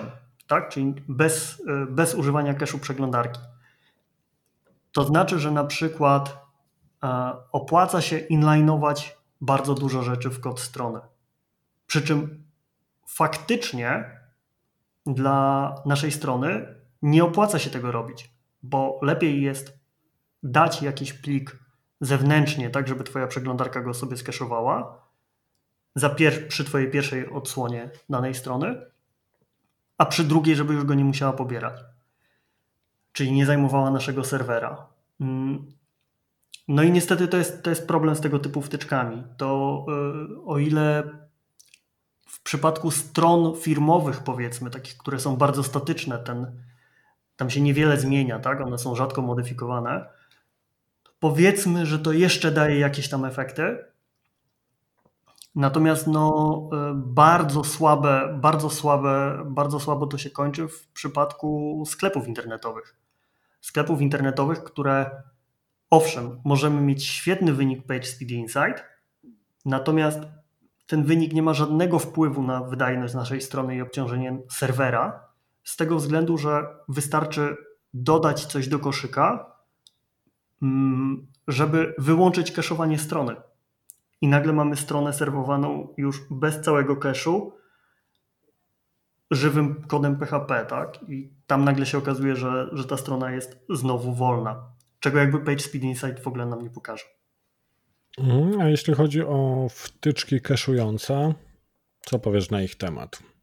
Też za bardzo nie przywiązywałbym do nich, do nich wagi. Wtyczki cache'ujące są powiedzmy ok, tak? One, tylko trzeba sobie zdawać sprawę z tego, co one robią. Tak? Zadaniem wtyczki cache'ującej jest zrzucenie naszej strony do jakiegoś pliku statycznego i serwowanie tego pliku bez wykonywania całej masy zapytań do bazy danych, bez y, generowania tego kodu i tak dalej. I teraz pytanie główne jest takie, czy w przypadku naszego serwisu to ma to przyniesie korzyści, czy nie? Jeżeli to jest strona firmowa, która jest statyczna i modyfikowana raz na pół roku, tak, super, kaszujmy ją. Jeżeli to jest e, sklep internetowy, tak naprawdę wtyczka kaszująca bardzo niewiele pomoże. Czasem nawet wręcz zaszkodzi. To znaczy, jak swego czasu, chyba z pół roku temu opisywałem na, mm, na swoim blogu przypadek, gdzie mm, przypadek wprost znaleziony u klientów, tak? E, trafiła do mnie osoba, której sklep działał bardzo, bardzo wolno, a firma, która ten sklep wykonywała, chyba z pół roku próbowała optymalizować tę stronę. No niestety kompletnie sobie z tym nie radziła, więc ta strona działała bardzo wolno, sklep potrafił się ładować od 15 do 20 paru sekund, więc no jest to wynik nieakceptowalny przez nikogo, tak? Mm, I tam po bardzo szybkiej analizie okazało się, że e, winą udało się mniej więcej o połowę przyspieszyć tę stronę, usuwając wtyczkę cache'ującą. Dlaczego? Dlatego, że akurat w sklepie wtyczka cache'ująca za bardzo nie pomaga. Natomiast tam ona była jeszcze dodatkowo błędnie skonfigurowana i zamiast wykonywać prostą jedną operację, zapytać bazę danych, dać ci wynik, to wtyczka cache'ująca robi, powodowała, że ta operacja była znacznie trudniejsza. Odpytujemy cache, czy mamy daną rzecz w cache'u, stwierdzamy, że nie, bo jest nieważna, więc odpytujemy bazę danych, następnie zapisujemy te rzeczy w cache'u i dopiero ci dajemy. Tak? Jak widać, tych operacji jest znacznie więcej. Dodatkowo cache był skonfigurowany tak, żeby się zapisywał w bazie danych bodajże, e, więc jeszcze dodatkowo obciążaliśmy sobie tą bazę danych, czy tam serwer, jeżeli to było zapisywane w pliku. Więc no jak widać, nie zawsze cache jest pomocne. Tak? To, tu, tu trzeba po prostu wiedzieć, co się robi i dopiero wtedy dane rozwiązanie stosować. A jeśli chodzi o taką optymalizację, gdzie już no, chcemy wejść tak głębiej, powiedzmy, i zaingerować w jakiś sposób e, w kod, e, załóżmy, że mamy sytuację tego typu, że nie wiem, dostajemy stronę powiedzmy przygotowaną na na jakimś tam gotowym motywie i właśnie przychodzi ktoś do nas i mówi, no słuchaj, mam stronę, zbudowałem sobie na, na jakimś tam gotowcu, no ale, ale jest kiepsko, jest e, powoli, strona się wczytuje długo i tak dalej. No i co jako programista możemy zrobić? No oczywiście oprócz zaorania wszystkiego i zrobienia, zrobienia tego poprawnie, bo pewnie taka odpowiedź by padła, ale gdzie ewentualnie możemy jeszcze coś ugrać, żeby jakkolwiek tą, tą stronę czy działanie tego serwisu e, przyspieszyć właśnie bez jakiegoś takiego kompleksowego przebudowywania. Czy w ogóle jest taka opcja i, i w jakikolwiek sposób można e, właśnie w ten sposób e, przyspieszyć stronę? Przede wszystkim trzeba zweryfikować, co jest przyczyną tego wolnego działania. Jeżeli jest tak, że korzystamy z gotowego motywu, który jest przeładowany funkcjami, ma 2 miliony opcji, 4 miliony bibliotek y, JavaScriptowych i na jednej stronie używa 13 różnych sliderów, to ciężko będzie to zoptymalizować. Bo tak naprawdę wymagałoby to bardzo dużych ingerencji w ten motyw. Po prostu się nie opłaca w tym przypadku. Nie? Po prostu się nie opłaca. Natomiast, natomiast jeżeli jest tak, że mm, jesteśmy w stanie, że ten motyw jest jakby na froncie jest stosunkowo lekki, e, a na przykład wolne są jakieś zapytania do bazy danych albo coś takiego, tudzież generowanie jakichś elementów HTML-owych, to można spróbować e, dopisać własne rozwiązania tak jakby keszujące. Tak? Czyli tylko tu, tu trzeba rozróżnić y, to od tego, o czym rozmawialiśmy w poprzednim jakby pytaniu. Nie chodzi o to, że keszujemy całą stronę, ale pomyślmy sobie w ten sposób. E, mamy na przykład w każdym sklepie czy stronie internetowej mamy menu, nawigację, mamy stopkę. Mm, te elementy się generują tak? One, mm, na przykład generowanie nawigacji menu w WordPressie jest stosunkowo złożonym procesem, z tego względu, że menu jest przechowywane jako lista e, tych pojedynczych pozycji menu, potem one są wszystkie zaczytywane z bazy danych, budowane jest całe drzewo i dopiero jest to renderowane. Natomiast zauważcie, że ten element menu jest tak naprawdę, powinien być, e, bo to jest kwestia usability, powinien być stały. Znaczy, on nie powinien się zmieniać dla. Różne osoby powinny widzieć tą samą nawigację, w różnych miejscach serwisu powinniśmy widzieć tą samą nawigację. To znaczy, że możemy sobie te elementy skeszować.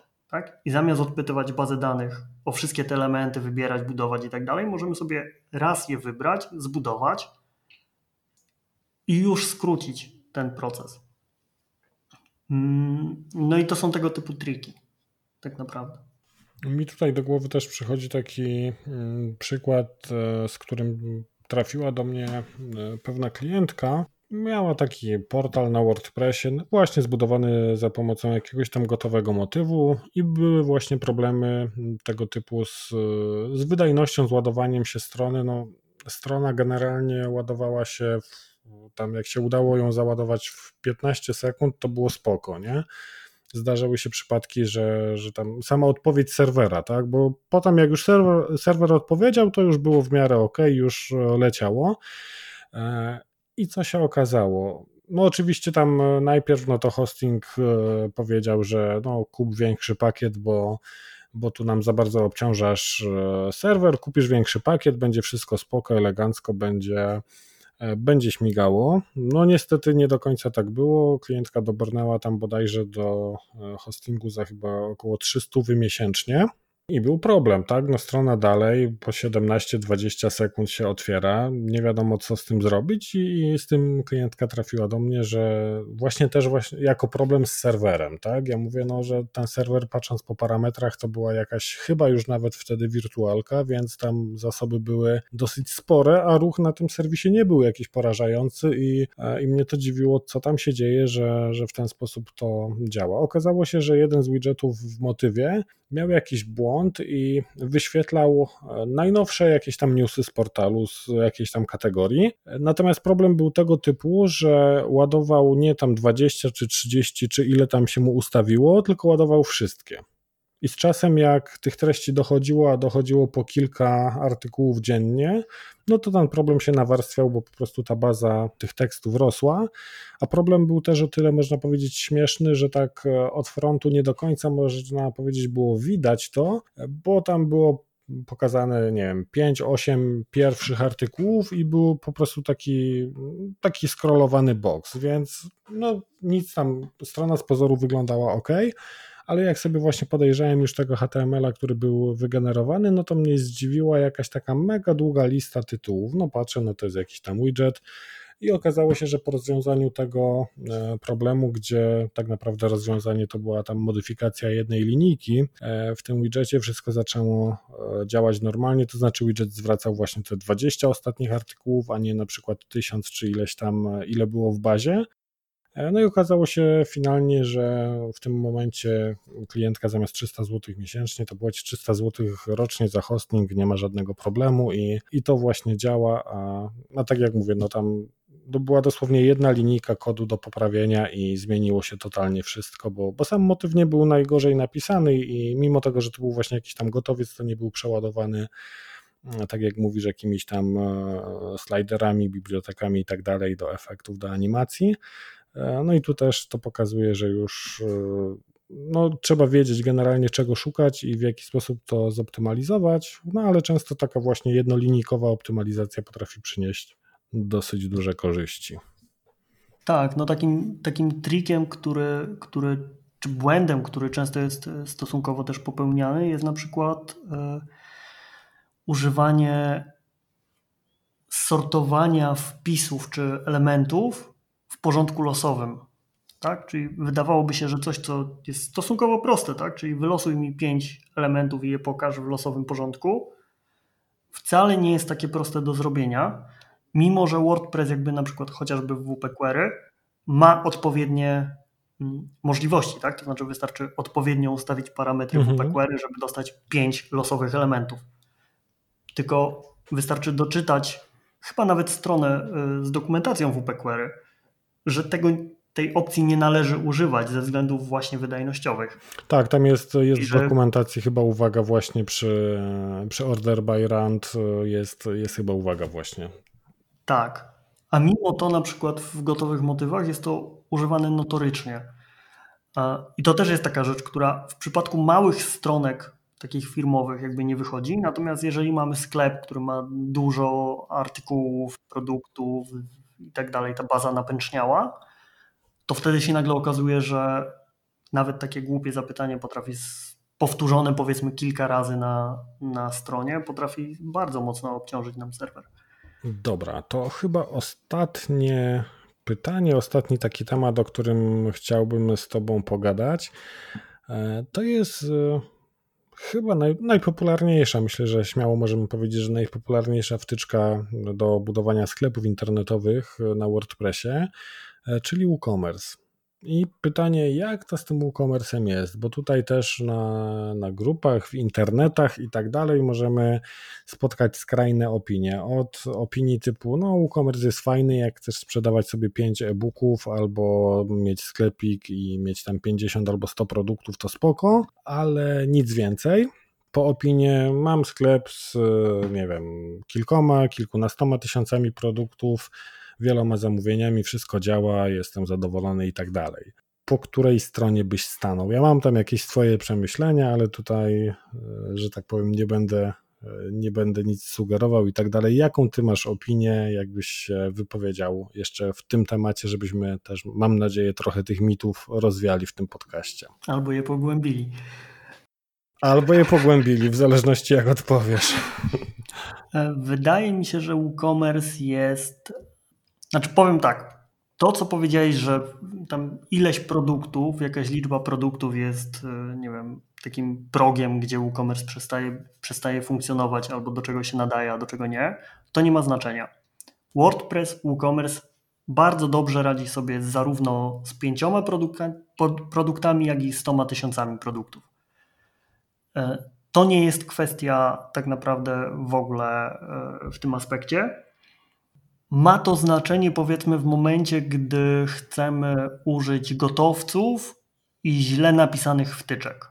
Tak, bo jeżeli te wtyczki źle zapisują jakieś dane, źle je przechowują, e, nie zastanawiają się, jakie zapytania do bazy danych powodują, to rzeczywiście na przykład sklep, który ma 10 tysięcy produktów, różne atrybuty, cechy i dalej i e, źle napisane filtry, będzie działał wolno.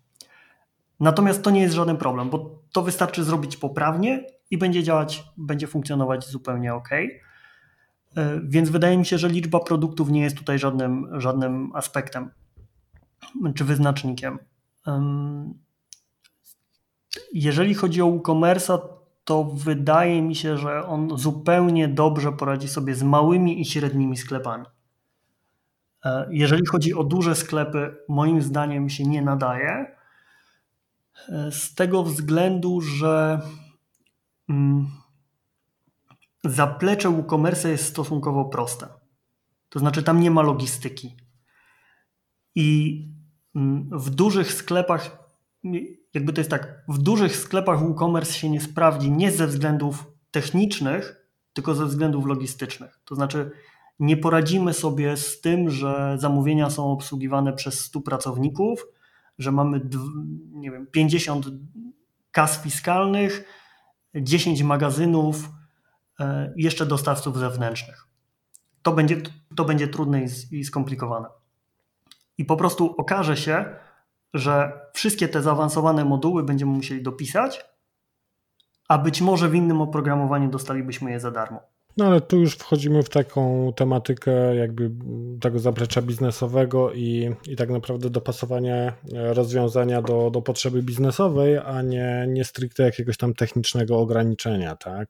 Tak, natomiast wiesz, wydaje mi się, że jeżeli mówimy o sklepie internetowym szczególnie, no to nie da się moim zdaniem oderwać go od, od biznesu, tak?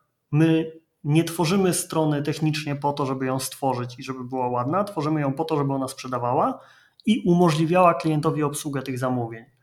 Ja y, teraz w, w okresie tam mm, ograniczeń i tak dalej y, spotkałem się na przykład ze stroną pewnego wydawnictwa książkowego, które właśnie miało ten problem. To znaczy, oni mieli jakiś prosty sklepik, który postawili dawno, dawno temu, ktoś im go tam sklecił na, i posklejał na gumę do rzucia i nic z tym nie robili. Nic z tym nie robili, dlatego że tam nie było prawie zamówień. W związku z tym to, to sobie działało, stało i nikt się tym nie przejmował. W momencie, gdy nagle prawdziwe te fizyczne księgarnie zostały zamknięte i ludzie zaczęli kupować online bezpośrednio od tego wydawnictwa w tym sklepie, oni zaczęli mieć taki problem, że jeżeli zaczęło wpływać 100, 200, 500 zamówień dziennie, to fizycznie jeden pracownik nie był w stanie tego obsłużyć. E, nie był ten, który do tej pory obsługiwał ten sklep. Nie był w stanie tego obsłużyć nie dlatego, że WooCommerce działał za wolno, czy nie radził sobie z tymi zamówieniami. Nie był w stanie obsłużyć tych zamówień dlatego, że panel administracyjny WooCommerce'a był zbyt prosty i brakowało tam całej masy rozwiązań, e, które usprawniłyby ten proces. Częściowo to była wina osoby, która wykonywała ten sklep, bo tu na przykład jest taki smaczek, że ten sklep nie obsługiwał płatności internetowych, tylko wykonywało się przelew, a następnie osoba obsługująca sklep siedziała na koncie i sprawdzała, czy dane zamówienie jest, zostało już opłacone. Mm, więc no jakby logiczne, że to zajmowało bardzo dużo czasu. Częściowo dlatego, że WooCommerce, no nie ukrywajmy, on to zaplecze ma dość uproszczone, tak? To znaczy w stosunku do profesjonalnych, dużych e, oprogramowań softów sklepowych, no WooCommerce jest trochę takim, e, takim, takim dość prostym sklepikiem, tak? Ale taki jest też jego zamysł chyba. Wiesz to jeśli tu jeszcze mógłbyś tak e, przynajmniej mniej więcej określić, co miałeś na myśli mówiąc małe i średnie, a co miałeś na myśli mówiąc duże, bo, bo to jest tak względne pojęcie, że chciałbym, żeby tu słuchacze mieli przynajmniej jakiś zarys tego, bo, bo tak jak mówię, no to jest takie dla, dla jednego. Czasem przychodzi do mnie klient i mówi, że on ma stronę, na, tylko, tylko że to musi działać szybko, bo tam będzie duży ruch. Na ile to ten duży ruch? No, no tak z tysiąc osób dziennie to będzie, nie? No to ja mówię, aha, no to okej, okay, nie? I to jest właśnie, e, to jest właśnie ta kwestia skali. Jakbyś mógł, wiesz, przybliżyć, nie wiem, ilością produktów i, zamówień, powiedzmy, jest, nie? Właśnie, tu jest, ten, tu jest ten moment, w którym, w którym wchodzimy w to mityczne tysiąc produktów, tak? Moja teoria jest taka. Liczba produktów nie ma znaczenia, mhm. pod warunkiem, że osoba obsługująca sklep będzie w stanie je ogarnąć. Tak? Czyli na przykład, e, jeżeli mamy 100 produktów, ale te 100 produktów codziennie zmienia cenę, to już może to być trudne czy uciążliwe.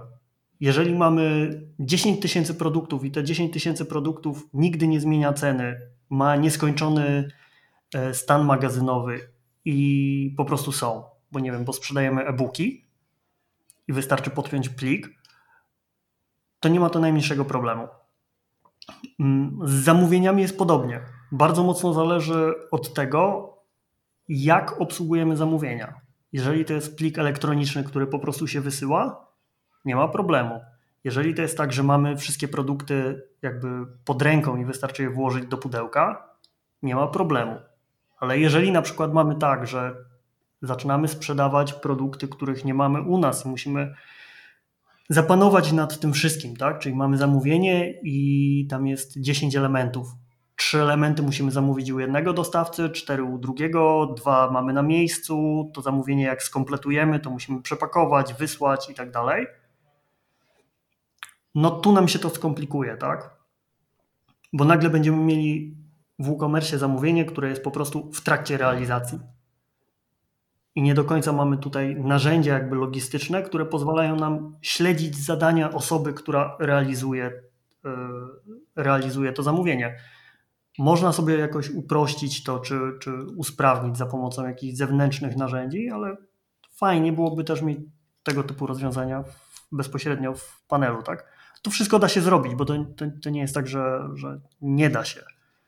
A, tylko pytanie, na ile jest, na ile jest jakby sens. Jeżeli chodzi o, jeżeli chodzi o ruch, bo jeszcze zapytałeś o ruch, e, czy wspomniałeś gdzieś tam o ruchu, o, o liczbie odsłon, no to tak naprawdę sky is the limit, tak? Okej, okay, no, czyli myślę, że tutaj akurat w, w, tym temacie mamy takie bardzo zbieżne poglądy i, i myślę, że tutaj e, obaliliśmy przynajmniej kilka takich e, popularnych mitów, bo zauważyłem też, że wśród osób gdzieś tam, które e, robią strony, czy tam zaczynają z tematem w ogóle pracy dla kogoś z wykorzystaniem WordPressa, bardzo często gdzieś tam padały pytania na grupach WordPressowych, na zasadzie hej, robię stronę na WooCommerce, jakie wtyczki mi polecacie, co powinienem zainstalować, co powinienem mieć. Ja wtedy najczęściej odpowiadam, weź kartkę i ołówek, spisz sobie potrzeby, a potem szukaj rozwiązań, nie? I tutaj, tutaj jest, zresztą tutaj przy tej skali to jest dokładnie to samo, nie? Że często zapomina się gdzieś tam o całym tym otoczeniu biznesowym, tych funkcjach, które ma spełniać dane rozwiązanie, a, a ludzie bardzo się skupiają na, na zasadzie takiej, że właśnie tak jak mówisz, czy to jest tam 100 produktów, 1000 czy 10 tysięcy, zapominają o, o całej reszcie.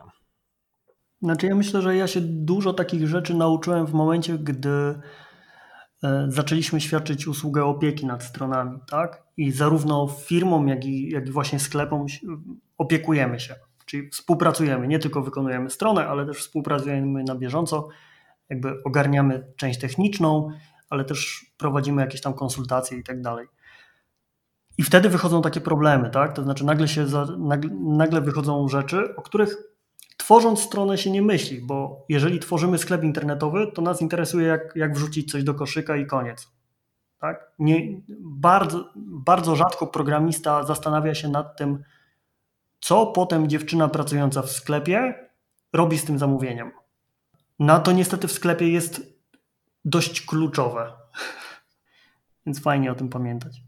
No tutaj też mam właśnie z e, ostatnich tygodni, można powiedzieć, bardzo fajny case e, klienta, z którym pracujemy nad, nad sklepem i to jest taka dosyć specyficzna e, sytuacja, można powiedzieć, e, bo pracujemy nad sklepem dla żony tego klienta, także Karol pozdrawiamy, jeśli słuchasz. I to jest super w ogóle współpraca dla mnie, jako dla człowieka od technologii, który ma właśnie zająć się tymi wszystkimi rzeczami, żeby to działało, bo Karol pozwala mi zrozumieć te wszystkie procesy, które się toczą po, po stronie właśnie całego tego back office'u, jak tam dziewczyny obsługują ten sklep, jak to wszystko biznesowo przebiega, jakie są takie potrzeby i bardzo duży nacisk kładzie właśnie na, na optymalizację jakby samego procesu, przez co ja wiem, że budując rozwiązanie, które budujemy, nie tylko damy możliwość klientowi kupienia wygodnego i, i tam sprawnego za, dokonania zakupów, ale dajemy też narzędzie, które będzie spełniało właśnie te potrzeby biznesowe właśnie właściciela tego sklepu, czy tam osób, które, które to obsługują. Niestety, no jeśli mamy sytuację taką, że, że przychodzi do mnie klient i mówi, że on chce sprzedawać w internecie, no to bardzo często nawet pytając go o pewne rzeczy, on totalnie nie ma świadomości, bo zresztą teraz też przez tą całą koronawirusową sytuację dostałem kilka takich zapytań i co prawda nie przełożyło się to na, żaden deal, nie, nie dobiłem targu, nie zrobiłem jakiegoś super zlecenia i biznesu na, na koronawirusie, bo jakby studziłem te głowy klientów, tym bardziej, że to gdzieś tam byli jacyś znajomi, czy znajomy, zna, znajomy znajomego i tak dalej, no bo się zaczęło na zasadzie takiej, ok, to my teraz otwieramy sklep, za ile i na kiedy nam zrobisz, nie? tego typu rzeczy, ale jak już zapytałem tam o, o, cały proces, jak oni sobie wyobrażają tą sprzedaż i tak dalej, no to tam się już kończyło na tym, że, że ten zapał opadał i, i kończyło się po prostu na tym, że jednak e, stwierdzali, że ten handel w internecie to jednak e, nie jest taka prosta sprawa, że wrzucam i tam ludzie się rzucają na moje produkty i kupują jak szaleni. Więc tutaj też jeszcze jest kwestia tego, jak klient nam komunikuje te potrzeby po drugiej stronie. Tak, natomiast wydaje mi się, bo my bardzo często robimy jakieś strony, serwisy biznesowe i właśnie bardzo mocną uwagę przykładam zawsze do e, takiego biznesowego zaplecza tego, tak? No bo nie ukrywajmy, strona internetowa, w szczególności sklep internetowy, ma realizować jakieś konkretne cele biznesowe. I fajnie jest tak to wszystko przygotować, żeby nie tylko to było ładne i klient był zadowolony z tego, jak to wygląda na naszym serwerze testowym, ale żeby klient po roku był też z tego zadowolony i żeby to fajnie realizowało te cele. No i dlatego właśnie fajnie jest mocno przyłożyć się do tej części biznesowej, realizacji tych celi.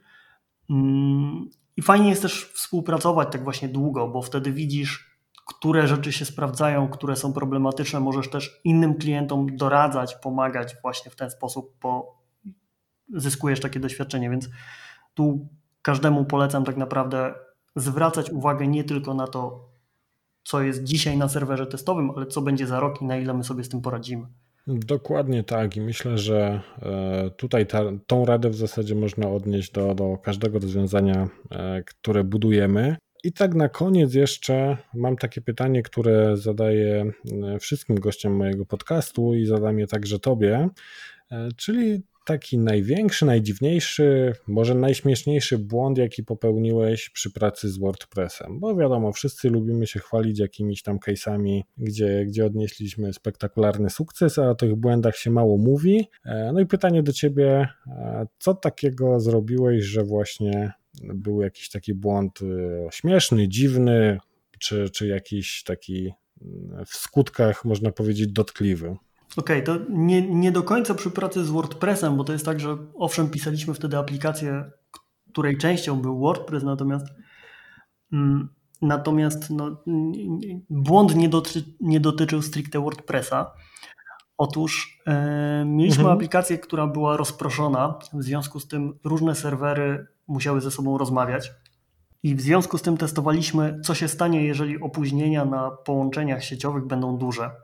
Jak to przetestować? No, nie jest to takie trywialne, bo musisz jakoś sprawić, żeby Twoje połączenie internetowe było wolne, a chcesz to sprawić na serwerze, więc mm, to nie jest takie proste. Natomiast są oczywiście aplikacje, które pozwalają, instalujesz sobie taką aplikację na serwerze i ona spowalnia, jakby tak udaje, że połączenie jest znacznie wolniejsze, czyli wstrzymuje pakiety po prostu. Mm, no i Właśnie wykonywaliśmy takie testy, w związku z czym łączyliśmy się z serwerami zdalnie, ograniczyliśmy prędkość, no w związku z tym jakby praca na tym serwerze była trochę utrudniona, ale jakby ta aplikacja dalej fajnie funkcjonowała. Mm, no i najwolniejsza opcja, jaka była, to było chyba bodajże 5 kilobitów na sekundę. I okazało się, że to i tak jest za szybko. To znaczy, te pakiety chodzą tak szybko, że nie jesteśmy w stanie jeszcze powodować żadnych kolizji na pakietach. W związku z czym ktoś tam w zespole wpadł na to, żeby spowolnić połączenie jeszcze bardziej. No i następna opcja to było niestety symuluj zerwanie połączenia. I wyobraź sobie moje zdziwienie w momencie, gdy na zdalnym serwerze kliknąłem zablokuj połączenie, kliknąłem OK i w tym momencie w okienku połączenia z serwerem dostałem komunikat połączenie zerwane. I dosłownie tak około minuty patrząc na ten ekran i zastanawiając się, co się stało, docierało do mnie, że. Właśnie się odciąłeś. Właśnie się odciąłem od serwera. E, co było o tyle kłopotliwe, że, że ta, ta aplikacja działała jakby ogólnie na wszystkich połączeniach do serwera, więc no niestety jakby przywrócenie tego połączenia wcale nie było takie trywialne. Tak, no to, to taki dość zabawny błąd. No to faktycznie, faktycznie dosyć, dosyć ciekawa sytuacja. No to bardzo podobny przykład mi ktoś tam opowiadał, jak sobie firewalla konfigurował na, e, na jakimś właśnie tam, e, na jakiejś wirtualce chyba i też właśnie tak zabezpieczył, że potem sam się nie mógł zalogować. To są takie zabawne sytuacje w momencie, gdy ty robisz świadomie coś dość skomplikowanego i dopiero po czasie i to dłuższym uświadamiasz sobie, jak głupie było to, co zrobiłeś.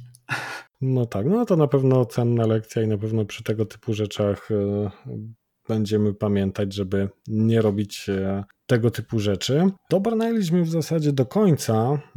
Na koniec chciałbym jeszcze, żebyś powiedział, gdzie cię można znaleźć, czy to w internecie, czy, czy w realu, bo, bo tak jak już wspomniałeś wcześniej, można cię też spotkać na, na konferencjach, więc gdzie cię można znaleźć i w internecie, i w realu, jak z tobą się skontaktować? W internecie, no to oczywiście wpmagus.pl, y, także na Facebooku wpmagus.pl. Jeżeli chcecie pomocy w zakresie WordPressa, to na przykład pytania na WordPress Tag Exchange albo grupach facebookowych polskich. Tam też stosunkowo dużo czasu spędzam, więc można mnie tam spotkać. Zresztą to w trakcie, w trakcie naszej rozmowy wychodziło kilka razy. Jeżeli w internecie, to także Instagram, choć tu będzie niespodzianka, bo mój Instagram nie jest zbyt zawodowy i poświęcony WordPressowi. Ale można e, zgłodnieć Ale... oglądając go. Tak, mo można zgłodnieć, więc jak, jak ktoś chce zgłodnieć, to zapraszam. E, no i oczywiście, oczywiście konferencje, tak? czyli WordUpy, WordCampy, jak tylko już będą, to pewnie też można mnie tam spotkać. Okej, okay, to wiemy wszystko, gdzie Cię szukać, jeśli chcemy pogadać o WordPressie, gdzie Cię szukać, jeśli chcemy zgłodnieć. E, Krzysiek, bardzo Ci dziękuję za poświęcony czas. E, oczywiście wszystkie linki, o których mówił Krzysiek, znajdziecie w notatkach do tego podcastu na maciejkuchnik.pl łamane na 031, a w tym odcinku to wszystko i słyszymy się za tydzień. Do usłyszenia. Cześć. Dzięki, cześć.